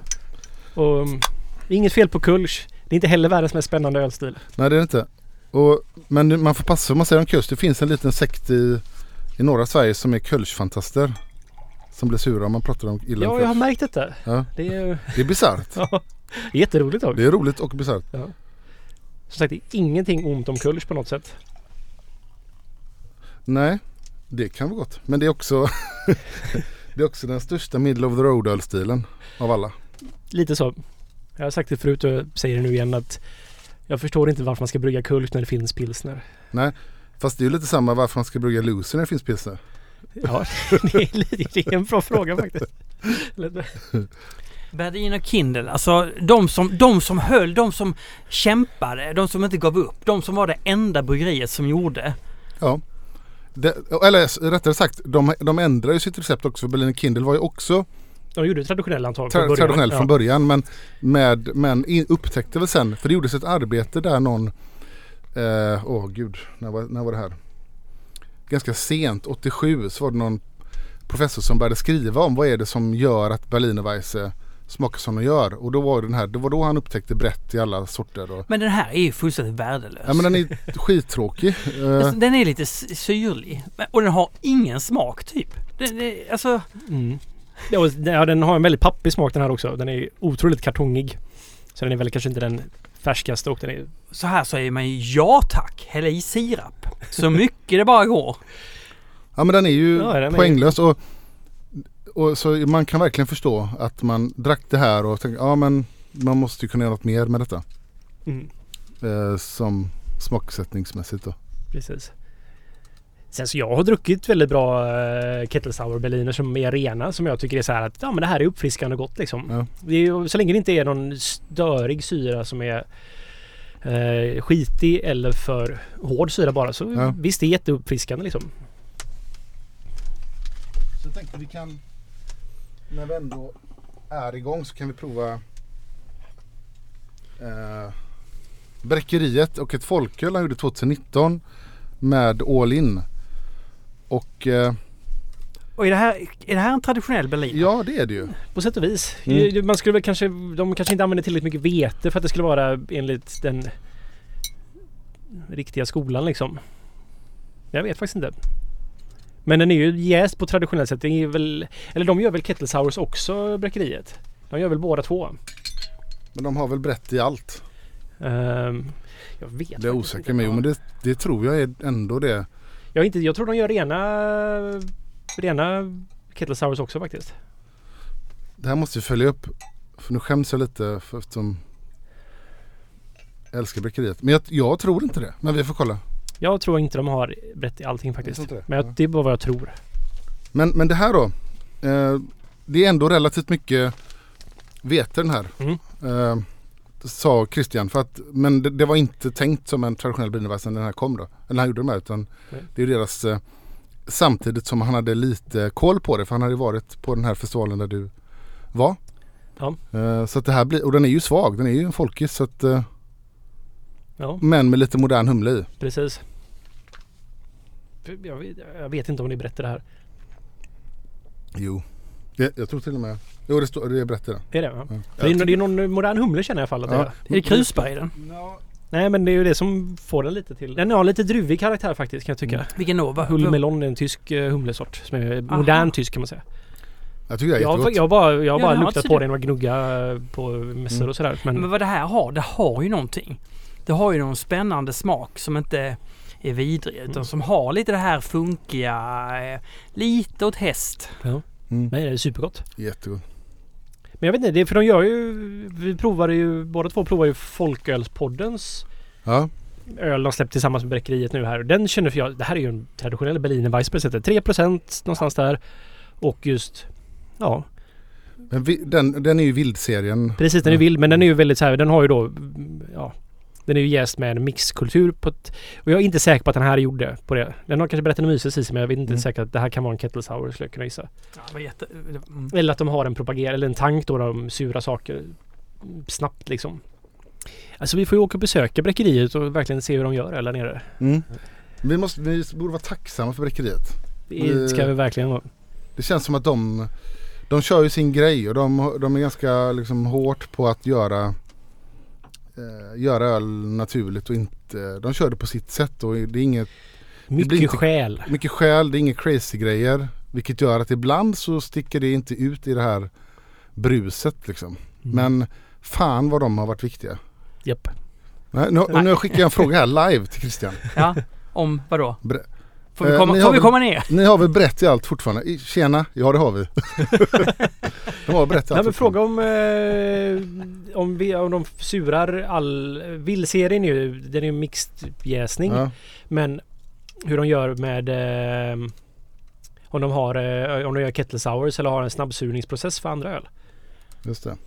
Men det var ju ett tag de inte hade brett i allting för de gjorde ju rena säsong ett tag i alla fall. Fast det var brett i dem. Det- Affärsidén från början var brett i allt. Det Ja. var absolut första ölen var brett. Jo, De- ja. men jag får med de hade en period när de inte hade brett i saker. I några öl. Det får du fråga också. Jag får fråga. Fantastiskt är det att vi kan live. En pöl, pöl. Den heter Benedikt. Du pratade ju om någon som hette Benedikt. Ja. Han forskaren i Tyskland. Precis och det här fick vi av en eh, lyssnare. Eh, Fredrik Nilsson. Eh, skittrevlig. Vilka trevliga lyssnare vi har. Fredrik Nilsson. Ja. Vem är det? Bor i Ljungskile. Uh, duktig hembryggare som han hörde när vi skulle prata när vi pratade om att vi skulle prata om Berlin så kontaktade han mig och sa att han hade gjort eh, det här och det baseras på det recept som den här Benedikt Koch gör i sin eh, i den här podden jag pratade om när han intervjuas om Milk the Funk och eh, han har även recept, recept på sin hemsida den här Benedikt Koch Koch Koch Koch Koch Mm. Eh, och då heter ölet Benedikt, jättefint och är gjort på traditionellt vis. Där han själv säger att den har lite låg syra än så länge. Mm. Den är lagt på den låga sidan. Men låt oss testa den. Ja. Och nu fick jag svar från Christian. Äh, vi har alltid haft brett, säger han. Eh, Så frågar jag liksom hur de surar det som inte är vildserien.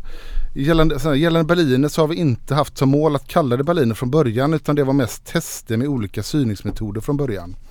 Vi gjorde ett öl kallat Levain som syrades med lakto från surdeg 2014 och ett öl kallat Sur som syrades med lakto från malt. Vi har alltid haft i brett. Hopp. Då hade jag helt fel där. Fint skum det var det här. Benediktsölet va? Väldigt Alltså, fint. Här det är förstår nästan man som ju, en gräddbakelse. Ja. Mm. Alltså, Här förstår man ju liksom Champagne of the North. Verkligen. Det är lätt ljus färg I champagneglas. i champagneglas var så jag.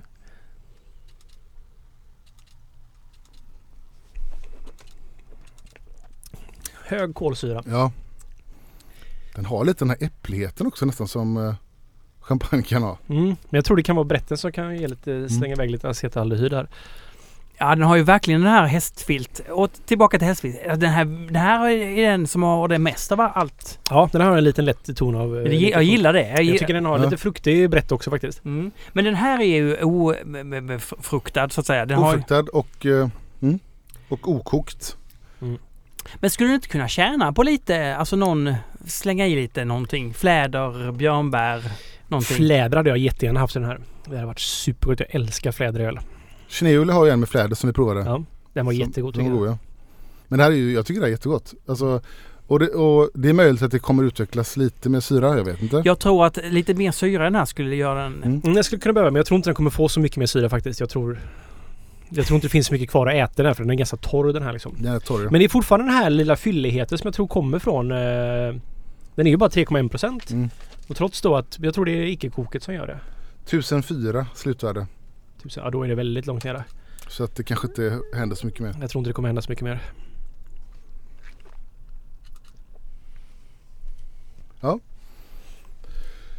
Eh, och först har han det med, han har faktiskt läst, jäst det först med en kölschjäst och sen tillsatt eh, Ja, lacto. där skulle jag ju... Rekommendationen var att man hade... Då hade han ju fått mer syra och att man har haft... Alltså primärjäst allting med att man skulle blandat allting från början. Från och början, Brettens, eh, typ en brevis eller plantarum tillsammans med kullkästen. Mm. För då hinner... När kullkästen är färdig så finns det inte så mycket kvar för bretten och lakton att arbeta på. Hade man haft i allting från början då så hade den fått lite mer chans att jobba på sockerarten och göra mer syra helt enkelt. Men principen av den här, jag tycker den här känns väldigt genuin.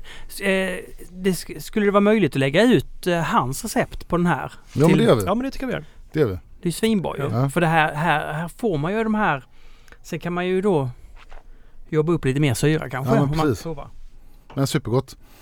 Och när jag dricker det här då tänker jag så här, då börjar det liksom någonstans känna att det funkar, kan funka med en del eh, mat och sådär. Och det Mm. berättar ju hon Ja. Ulrike att det finns en, en hel del kockar i Berlin nu som har börjat fånga upp traditionell Berlinweisse för att ha det i, till mat och sådär. Mm. Ah, Mm. Ja. Gott. Ja verkligen. Och som sagt det här skulle också vara en väldigt bra bas, bas för faktiskt att ha frukt i ölen tycker jag. Men vill vi prata någonting om hur man kan, hur man kan syra Berliner? Olika Ja, sätt? alltså det, kan vi, det finns ju ganska många olika sätt att man kan göra det på. Dels så tänker jag att om man ser det moderna sättet att syra, alltså om man, de moderna teknikerna som är kettle sours då. Det, det ska ju ge så ren syra som möjligt. Eh, enkelt okomplext liksom. Eh, om man verkligen bara vill fuska så kan man ju bara köpa food grade lactic acid och hälla i ölen. För det är ju det som Mm. laktokulturen kommer göra.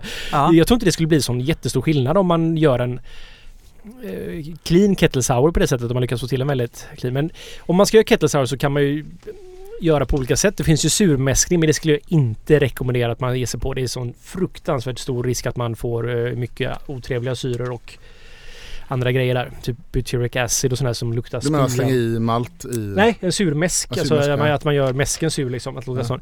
Sen så kan man ju använda eh, krossad malt alltså, eller vanlig malt för det finns ju massa lakto på skalen av kon. Mm. Det är därför man gärna vill Även om man inte kokar så vill man ju pasteurisera vörten.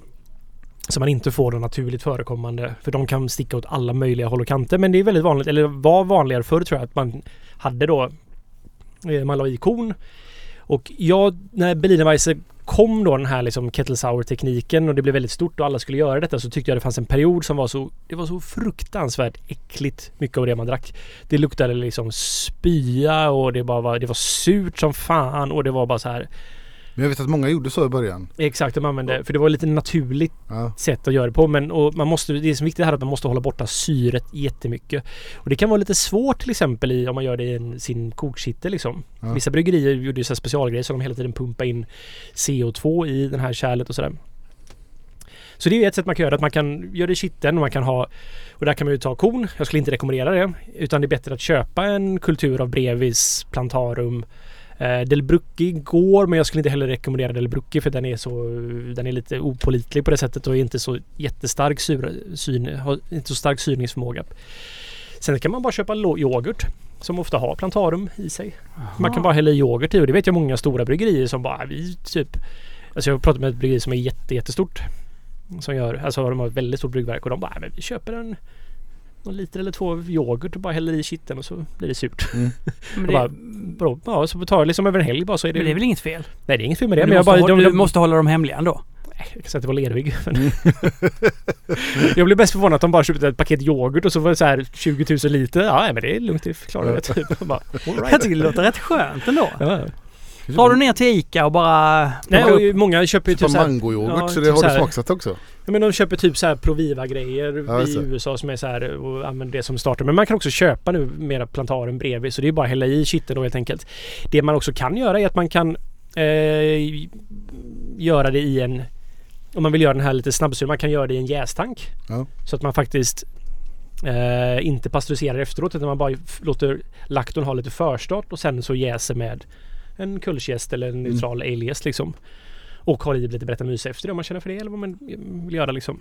Och så är det mer och mer som gör att de har liksom en Typ av nästan propageringstank när de jäser det här och kanske blandar in och så. Men ehm, och sen så finns det traditionella där man har en blandkultur så man låter bara jäsa under lång tid helt enkelt med det hela. Sen finns det ett fulsätt som en del har använt, en del hamburgare också. Det, jag tror inte du sa det. Det är att när ölet är klart att hälla i mjölksyra. Jo men det sa jag i början. Ja du sa det, Ja, förlåt. ja. I- Han John Palmer pratade ju om att det eh, han bryggar, hembryggar, han skrivit hembyggarböcker och så Mm. Att det, ja, men det är som att uh, ta, tillaga en stek i en mikrovågsugn. Den, den blir klar men eh, det är inte så jävla gott. Nej, men samtidigt så här om man då ska göra en kettle sour och, vill göra, och så göra en, få den riktigt, riktigt clean så här. Mm. Så det enda man gör är ju mjölksyra liksom. Men jag skulle rekommendera att göra det framför att man bara blandar i mjölksyra. Men sen kan man ha mjölksyra i, vi pratade ju om vitt. Det har jag testat par gånger och haft i lite mjölksyra innan Ja, flaskningen ja. vitt. Det kan ju också ge en bra Ja. twang. Sen finns det en eh, teknik som jag vet att Schultheist använder sig av och eh, de här August Schnell då i USA använder sig av att de gör De blandar helt enkelt. Och eh, man kan då göra en ren öl och man kan göra en syrlig öl och så kan man blanda ihop de här. Och sen så finns den här deras August Schells metod av att göra, de gör ju då Berliner Weisse i USA, ett väldigt tyskinspirerat bryggeri som börjar med Berliner Weisse ganska tidigt. Och de gör ju traditionell, men de kör ju då att de eh, Så de har ju stora träfat i Cypress tror jag det var faktiskt. Ja då det. Ja. Som är mycket mer neutralare än ek då. Så att, eh, och där får den ligga länge liksom. Men det de gör är att de de producerar då en väldigt vetig, icke kokad, eller de tar upp det till kok eh, temperatur och stänger av. Och då är det pasteuriserat helt enkelt. Ah.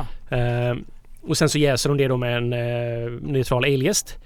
Samtidigt som de pitchar neutral alejäst så tar de en bit av ölen som de har då i sina eh, ek, stora ekfoders helt enkelt. Ja. Och blandar in det så man liksom hela tiden tar då lite av den gamla ölen och blandar in för att den kulturen ska finnas med där hela tiden. Får lite mer karaktär. Ja, och så jäser man ut det och sen så stoppar man in det i ekfat så får det liksom lagras där och mogna helt enkelt tills det är Ja. klart. Ah. Så det, det är en metod jag verkligen skulle, om man gillar Berliner Weisse och vill göra traditionell Berliner Weisse så skulle jag kunna se det som att det är en bra husöl att ha. Så då kan man helt enkelt bara liksom Ja men att göra vörten, det går ju jättesnabbt i och med att du inte behöver koka. Det är väldigt enkelt. Det är liksom inte så mycket du behöver ha.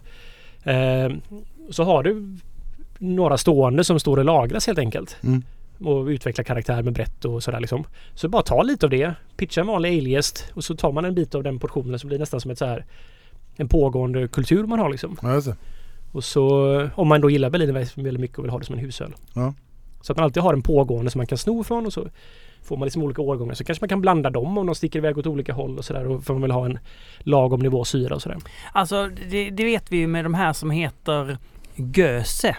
Inte Gåse utan Göse. Ja. Där blandar man ju. Mm. Eh, det verkar ju vara genialt för de blir ju jättegoda. Jag tror på blandning. Du tror på blandningen? Ja, det gör jag min dotter också som blandar Coca-Cola och Fanta. Hon tycker det blir väldigt gott. Det gör inte jag. Jag tycker det är sådär. Suröl och stout är gott att blanda.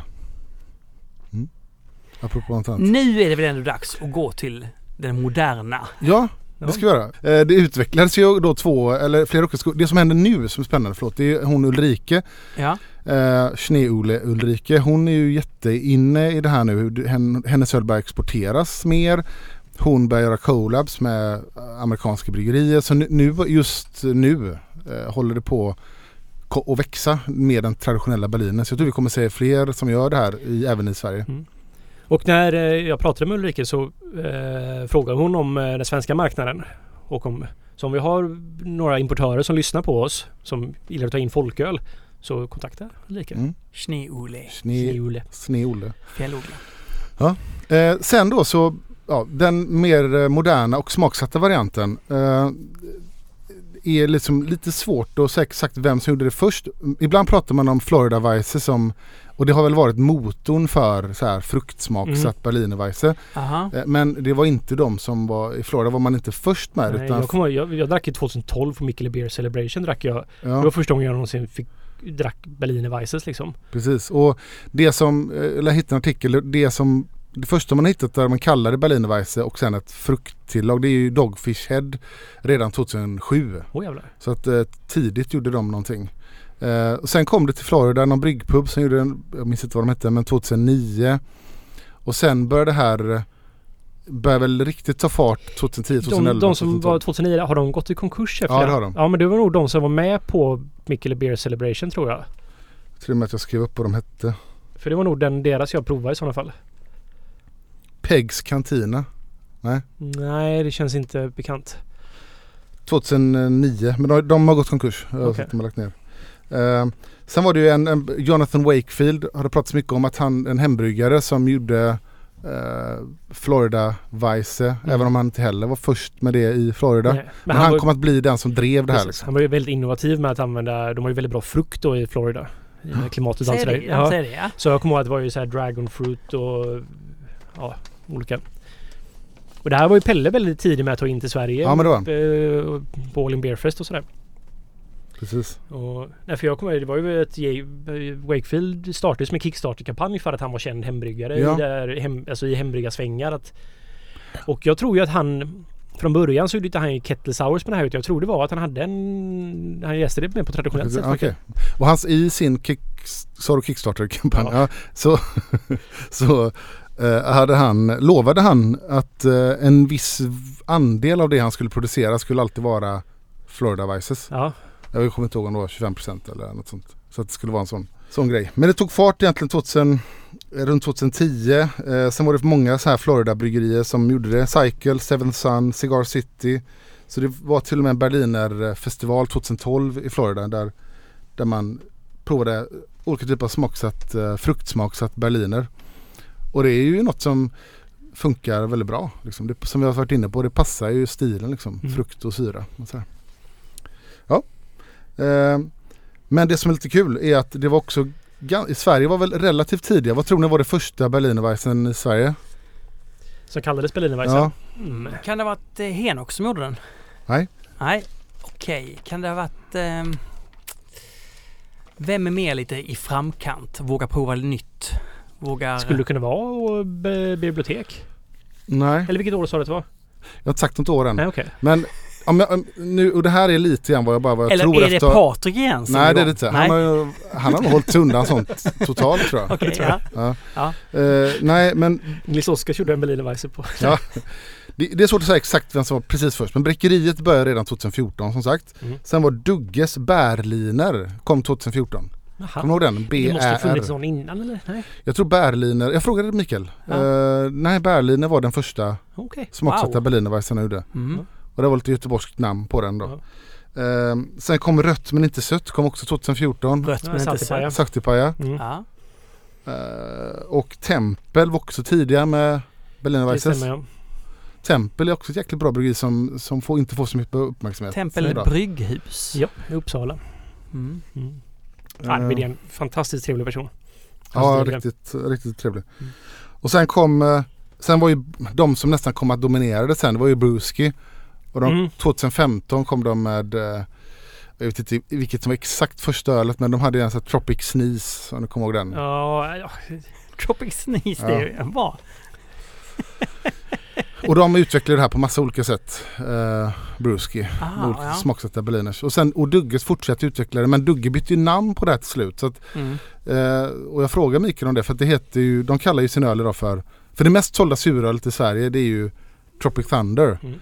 Det trodde jag var något de kallar för Berlinerweisse. Det gör de inte längre utan de kallar det för Sour Fruit Ale. ja, det är precis. Och när jag frågade Mikael varför, ja men det är därför att det inte är en Berliner sa han. Ja. Bara kort. Precis. Jag, tror- de har väl, de har ju ganska sprimat till så stor, del av produktionen så tror jag de har man har hittat sätt att göra detta på som på ett effektivt bra sätt liksom. Ja. Så jag tänkte vi ska ta, prova en svensk eh, och det här är mer, jag har inte provat det här. Så jag chansade lite. Eh, Men det är ett svenskt. Är det inte Nils bror som har det där? Ni- Nils... Uh, Stigberg Nils. Nej men kusiner och liknande tror jag. Ja. Ja. Så är det. Inte bror. Kusin. Ja visst är det hans Det är, kusin precis, som har. jag tror det är det. Men det är Svartberget i Åre. Ja. Strawberry Hills Forever. Berlinerweisse med jordgubbar. Alltså vilken skön färg! Jag tycker alltid det smakar smultron när man har jordgubbar i och här grejer. Det smakar faktiskt smultron. Men jag tyckte det var gott. Ja, och ja, helt rätt. Jättemycket smuts. Ja, men det är så fort man tar bort liksom eller, jordgubbar är ju för vuxna smultron Men- liksom men Alltså jag måste ändå säga att vad fin den här var för den var inte ö, jätte jättesur utan den hade liksom en... Mm. Det var ganska Men- bra balans. Ja. Är det för att smult... Eller jordgubbar har ju så mycket sötma. Mm. De har ju syre också. ja men det är ju supersurt jordgubbar. Jag vet. Ja. Men smakmässigt kan de ha mycket sötma. Medan smultron är väl ofta lite Ja, syrligare. de är lite syrliga men de har mindre sötma så sätt. Ja. Men, Men- men Det som jag tyckte var kul med det här. Dels är det jordgubbar som generellt pratas om att det här är lite svårt att få fram jordgubbskaraktär Mm. i öl. För att det är en rätt flyktig arom liksom. Ja. och det är, det är så pass lite liksom man tänker inte på det när man Nej. äter jordgubbar för man tycker att det smakar så mycket men det är ju så mycket sötma och så där. När man tar bort sötma så blir det väldigt det blir lite platt då helt Ja, enkelt. men Det blir som att Men jag tänker lite det här ölet, tänker jag lite som är lite det, det, eh, old style inom modern Berlinerweisse. Därför att, och vad jag vill komma vill är att det har hänt någonting med Berlinerweisse som är saker ska panga jävligt mycket idag smakmässigt. Det ska, Mm. det ska smaka mycket av någonting. ja, Det här är ju lite mer subtilt tycker jag. absolut. Jättegott. Ja. Och, och, är, och, och lite grann har man märkt att det säljer inte riktigt längre om du inte konceptuellt pangar på. Och jag minns ganska väl när Dugges gjorde äh, Gbg Berwick-ölet. Eh, 2000, när var det? det var väl, 18. Ja, det var ju också med jordgubbar va? Det var med jordgubbar och vi pratade om det ölet. Tyck- Tyckte det var kul idé och sådär. Jag tyckte att det ölet det var det här lite subtila att så här, ja, men när man blir påmind, ja men det är lite jordgubb där. Men det fick rätt mycket kritik av folk som tycker att det smakar för lite jordgubb. ja, just det. Mm. Och det har lett till någonstans en konceptualisering av eh, smaksätt Berlinerweisse där det ska vara extremt tydligt. Precis. Heter det någonting med det smaken som finns i det, vi har pratat om tidigare, så fin, alltså, då måste det smaka så jävla tydligt av det. Annars blir folk besvikna på det. Ja, Så om man inte ska ha då de här enorma mängderna smak av den här som det döptes så skulle jag rekommendera att man inte döper det till det. nej, Utan att ha något annat ja. ja, det finns där men du behöver inte påkalla uppmärksamheten för då blir det lätt att konsumenten faktiskt idag blir lite besviken om Ja. den inte är det mest, om man har banan så ska det vara det mest banan. Det ska smaka mer banan än banan smakar liksom. Jag tycker det är lite min personliga åsikt, är lite, det blir lite gnäll då. Men jag tycker att det är lite tråkigt när saker blir väldigt övertydliga. I, då menar jag också konceptuellt och namnmässigt.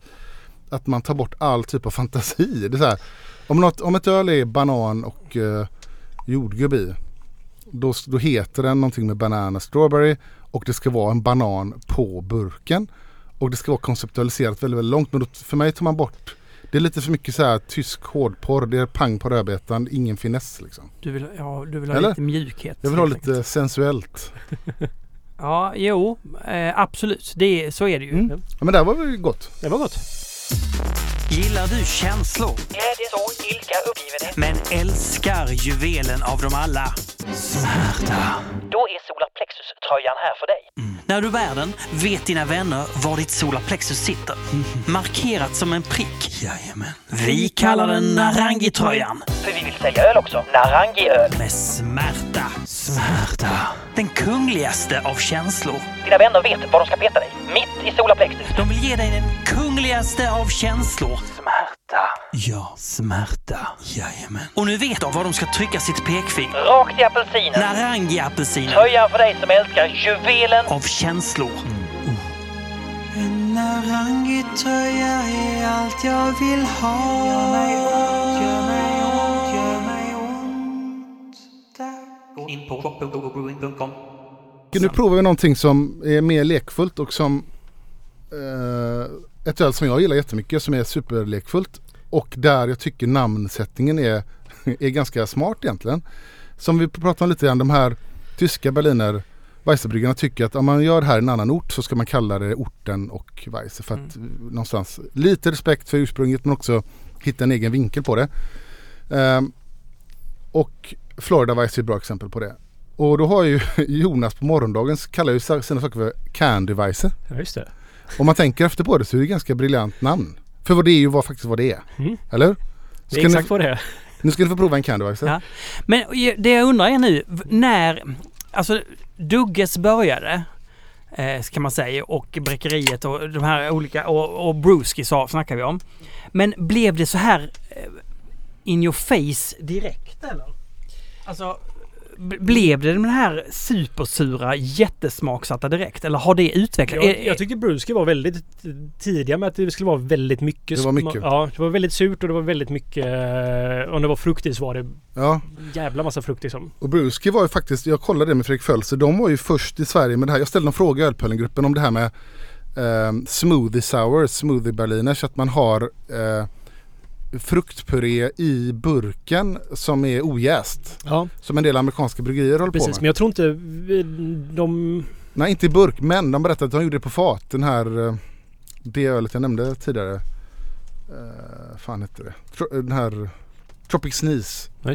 När de hade det på festivaler så dunkade de ju i Ja, i fruktpuré i fatet. fatet För att de skulle bara kunna samma servera dag. Och den var ju enormt mycket Ja. såklart. Men sen vet jag inte med Jonas här. Han har ju... Jag vet inte om han gör kettle sours. För han, har, han vet att han har vissa öl har han gjort med en surkultur han, som han jäser Ja. helt enkelt. Jag är lite osäker på här. Ja. Men det vi provar nu då? Så det börjar egentligen närma sig mer den traditionella på sätt och vis då, förutom rätten. ja. Så ett öl som jag, jag gillar ju lakrits faktiskt. Extremt mycket. Jag tycker det funkar rätt mycket öl. Du är väl halvfinsk också? ja jag vet. Det är Jag det. älskar lakrits också. Det är Ja. det bästa som finns. Men det här är morgondagens Deadhead Candyvice. Jag åt för mycket lakrits en gång. Hur, vad händer då? Alltså jag fick typ hjärtklappning och grejer. kan Jag man få mådde, jätte, jag mådde jättedåligt idag. Fy fan. Jag var på Island och Man kan ju hamna på toaletten om man dricker för mycket. Det hände, det hände också men jag, jag fick alltså jag mådde... Jag tror det var det. Jag var på Island och åt alldeles för mycket lakrits. Ja, Island. Alltså de är så duktiga på lakrits. Ja, när- de kombinerar choklad och lakrits. Mm, Det jag, finns ju en isländsk tillverkare som är så jävla bra. Vad heter de? Som gör helt Alltså, men, alltså om du bara köper det så här standard Ja. lakritset i. Det är så löjligt gott liksom. Mm. Ja, det är fantastiskt det där. Den här är spännande för den har syran och lakritsen och så är den helt röd. Mm. Hade det inte passat bättre om den var svart? Ändå? Eller? Eh, Nej, eh, jag vet inte, kanske.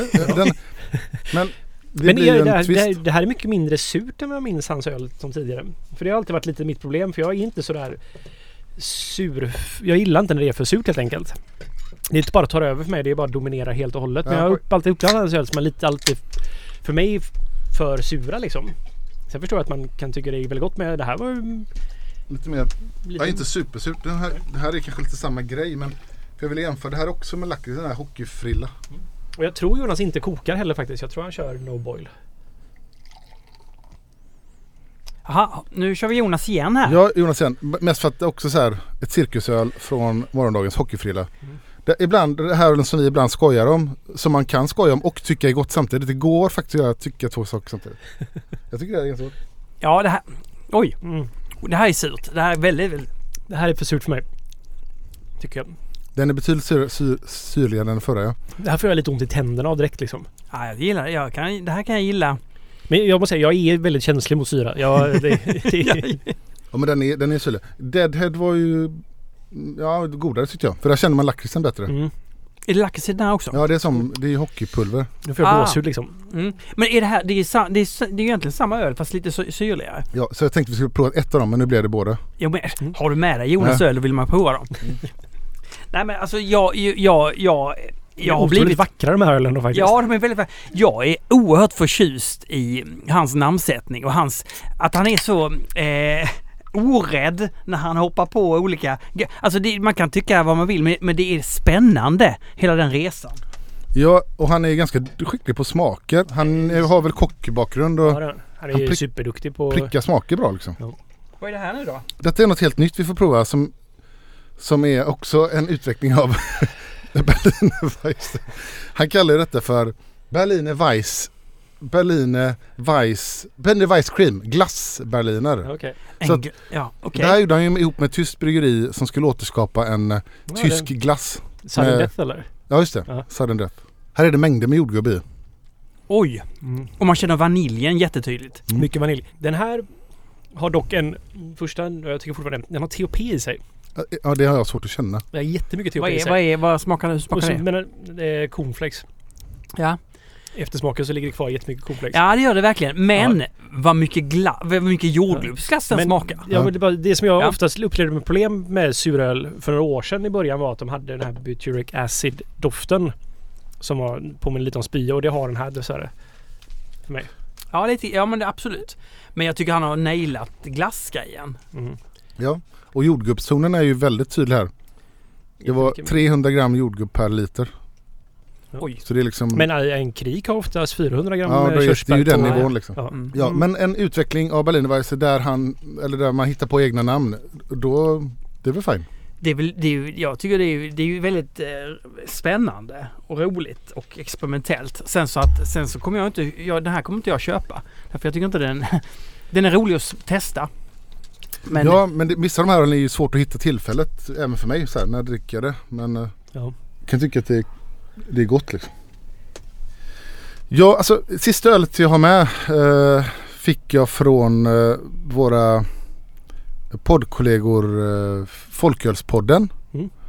Eh, Andrin och Johan mm, som har eh, de släpper de är ju väldigt produktiva. De släpper ett, ett avsnitt varannan vecka eh, om podd om folköl. och eh, de gjorde en, eh, för att fira ett år så gjorde de en, eh, ett öl med bräckeriet. Ja. Så det här är en 3,5-procentig eh, öl. Deras vildserie ligger på ek med torrhumlad med Cascade. Mm. Det här ska man ju vara helt... Om man ska vara lite anal med det här så är ju inte det här en Berliner Weiss egentligen. Nej, Men vi tycker att den förtjänar ett hederligt omnämnande. för att den är en folköl som smakar så här. Det är ju fantastiskt. det har otroligt mycket smak. Så den är ju, påminner ju väldigt mycket om en traditionell Berliner Weiss i sådana fall. Med lite brett och eh, syrlighet. Och det är inte för surt, det är väldigt trevlig sy- syra. Och så humletouchen i det här tycker jag funkar jättebra. Liksom. Absolut. Mm, Mm. tycker inte jag. Nej. Jag, ty- jag tycker den får för mycket beska. Alltså, jag tycker den har massor med fina toner i sig. Mm. Men aningen för mycket beska för mig. Mhm. Men det är, Mm. så är, så, så jag är det tycker med mig. det balanserar bra i det här faktiskt. Ja men jag gillar den. Men den är ju ganska torr och Mm. eh, så här. Det kanske är det du upplever som, och så bäskar Ja, upp med det så blir det för mycket. Mm. Det blir nästan lite som en så här vinig tanninighet på det Ja, sättet. är Men det kan ju vara att de har ju haft det här på ekfat också. Så Exakt. det kan ju finnas en liten tanninighet i det här. Hon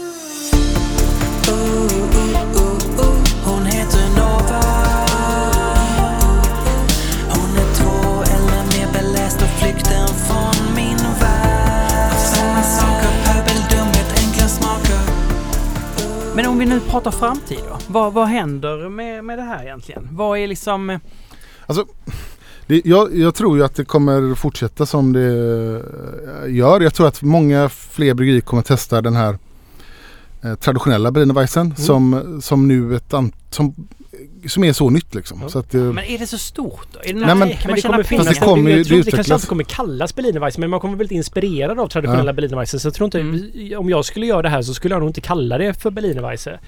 Utan jag skulle nog ta väldigt mycket. Jag kanske skulle koka i en kvart, mm. halvtimme kanske. Ja. Jag, och säga, jag skulle ta vissa bitar av det här som inspiration till att göra alltså lågalkoholig, sur, ekfatslagrad berättaröl helt Ja. enkelt. Men jag skulle nog kanske bara kalla det för table beer eller liknande. Ja. sådär.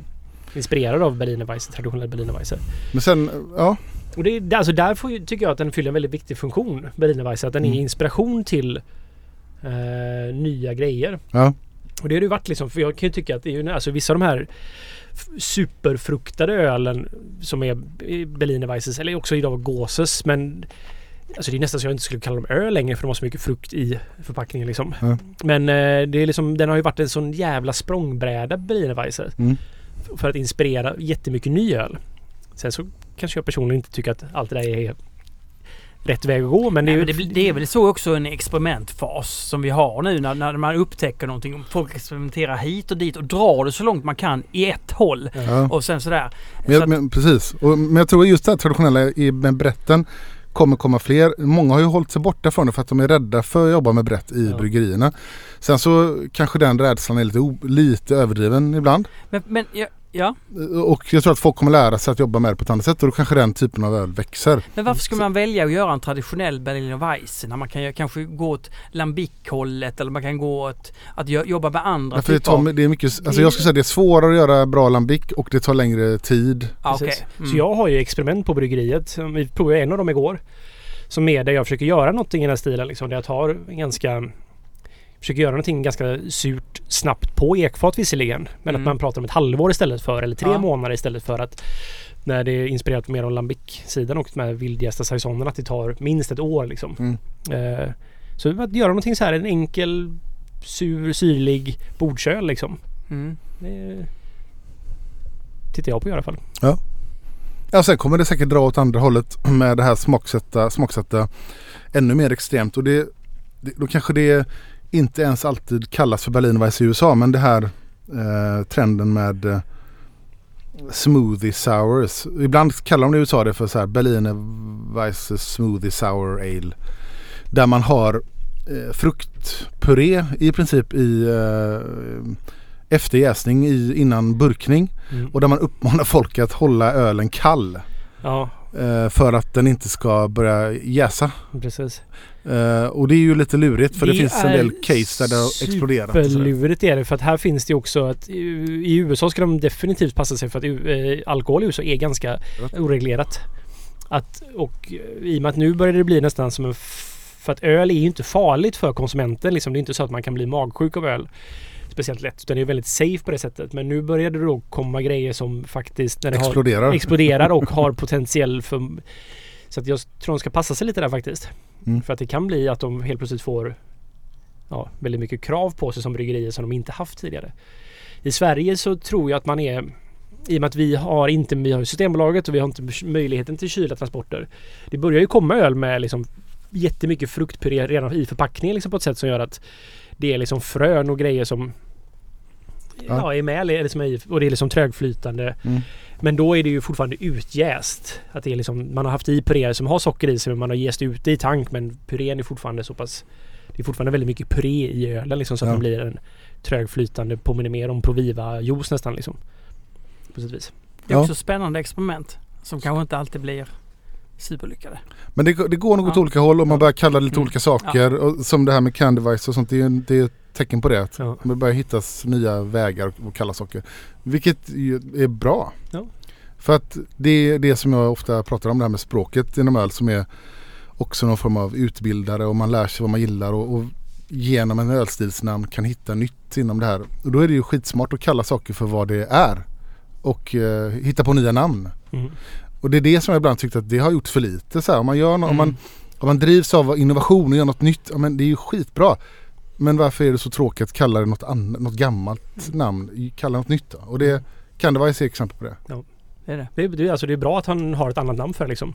Det är grymt. Sen kan jag tycka att det finns en lite konstig, att det är fortfarande alkohol, man kallar det för godis. Mm. Kan, det är en annan fråga. Det är mer en... Det, ja, det är lite... Ja. Man, alltså, det känns ju lite som att man nästan marknadsför åt barn helt enkelt. Ja, jag tycker är tyckte det tidigare men jag, nu tycker jag det är skit i det. Det är skoj. Ja. Men men. Men det är också lite som att jag gärna ser, alltså får öl ögonen på sig för mycket så kan det också vara dåligt. Och jag, Ja, så är det. ja, så att... ehm, ja.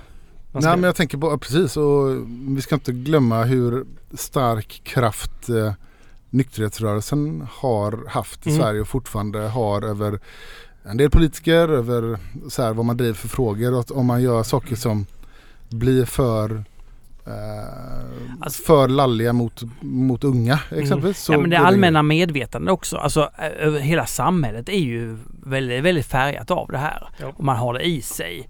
Eh, ja, sådär. Mm. Eh, inte, inte minst jag på ett sätt. Men ehm, jag blir ju äldre. Ja. Och skiter mer och mer i saker. Berliner har varit en sån extrem katalysator Ja. för mycket av innovationer som har skett i öl de senaste tio åren. Mm. Och det är jätteroligt. Det är Absolut. få ölstilar som har haft den effekten. Och det är därför det här avsnittet är spännande tycker jag. Därför att det, det är sant. Samtidigt som det här har varit det hemliga spåret med traditionella blinvästar. Mm. Alla har missat det. Därför att folk har inte ens vetat om det. Nej precis. Det är därför jag tror att det kommer nog komma. Ja, låt oss hälla utan äkta piss. Ja, ja, vi fick lite kritik på vår sida att, eh, vad var det? Att vi är... Vi gnäller för mycket. Gnäller. Ja, ja, att vi gnäller mycket ja. Ja. Ja, jo, ja, ja. Det vill säga att eh, ni tycker, att till exempel vi tycker saker. Mm. Kan man kalla det för det eller? Ja. Ja. Eller man, man, det kan ju också vara så här att om, om, man, om man säger någonting och menar att så här borde saker och ting förändras. Då kan man kalla det mer för gnäll. Eh, det kanske är lite mer än tyckande på ett sätt. Ja, Men- eller det blir eller? väl för att vi har, ju, vi har ett visst inflytande som jag inte riktigt tänker på alltid att man har det här. Att folk... Om vi säger saker så tar folk åt sig det här. Helt enkelt. Som att det är lite mer som en sanning då eller? Ja, lite så kanske. Och det, är ju, det här är ju våra åsikter att vi Ja. faktiskt är bara... Vi, ja, man behöver inte tycka samma liksom. Nej, och sen tror jag vissa typer av tem, åsikter är känsligare än andra. Så att Mm. skojar man om eh, renhetslagarna så kommer ju ingen höra av sig till oss och säga hur kan ni skoja om tyska renhetslagarna? Det kommer ju ingen någonsin Nej. höra av sig och säga. Men när man skojar om någonting som är väldigt populärt just nu, Känsligt. då är det känsligt. Mm. Men jag tycker att man kan ha två tankar i huvudet samtidigt. Man kan Ja, skoja precis. om ett fenomen som är väldigt stort och som leder till lite fåniga grejer och tycka att det är kul samtidigt och, Det, och gott. sen, sen är det också så, humor, att skoja, kan, det kan vara väldigt svårdechiffrerat. Mm. Eh, eh, därför att man, man vet inte riktigt. Ibland kan det vara så när jag kollar på din, din eh, Insta Double Bastard blogg.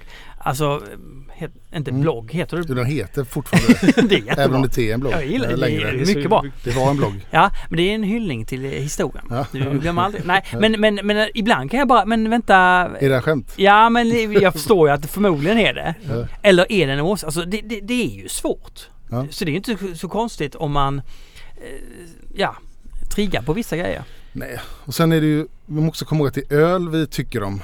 Ja, Det är inte, vi pratar inte om invandring liksom. Vi Nej, pratar öl. vi pratar det, öl. är lättsamt. Och vi har ju, Mm. eller jag ser det som att så här att en del av ölpölen, för jag kan ju tycka att ölvärlden har, den har ju satt skruv på sig själv de senaste tio åren. Och det har vi pratat om att det är, den är liksom helt galen på sätt och vis. Och det är jätteroligt att den är det. Men samtidigt så vill jag gärna värna om någonting som är det traditionella liksom. Och jag ser inte den rösten så mycket ute i öl-Sverige så därför känner jag att det här är ett bra tillfälle att prata Mm. om det. Och Mm. det är ju lite temat med ölpölen. Att den, det är ju faktiskt åt det hållet att det är ju det vi gärna tar upp och pratar om. Ja, Mm. plus att jag, jag kommer ju lite från andra hållet och tycker det är väldigt roligt med, med snurren på ett sätt. Mm. Har jag insett mer och mer eh, ju mer jag har lärt mig. Ja. Så, att, så att det tycker jag blir en bra, eller Mm. nej jag vet inte, det kanske blir en jättedålig Nej, balans. det är väl jättebra. Det väl jättebra. Men vi att säga att vi har en agenda är ju fel men vi vill ju gärna upplysa om tradition och var öl kommer ifrån och förstå historiken för det är så man kan förstå sin samtid helt enkelt. Då ser vi som det är väldigt viktigt med Ja, och gamla helt driva, precis, och driva ett intresse för någonting som kanske inte är så stort idag. Det är därför vi kanske tipsar om lite bisarra grejer som rököl och sådär. Men det hade varit extremt tråkigt om vi varje avsnitt sa Det finns något som heter eh, New England IPA, det måste ni prova, så jävla gott! ja. Det är ju otroligt trött om vi skulle prata Ja det är klart. om det, eller ja, det är klart. varje avsnitt prata om en ny, eller New England-IPA vi har provat som Ja, hade en ny humlesort i sig eller en ny kombination Nej, det är, ju, det är ju en annan podd som jag verkligen tycker man ska göra. Men, Ja. men det är en annan podd.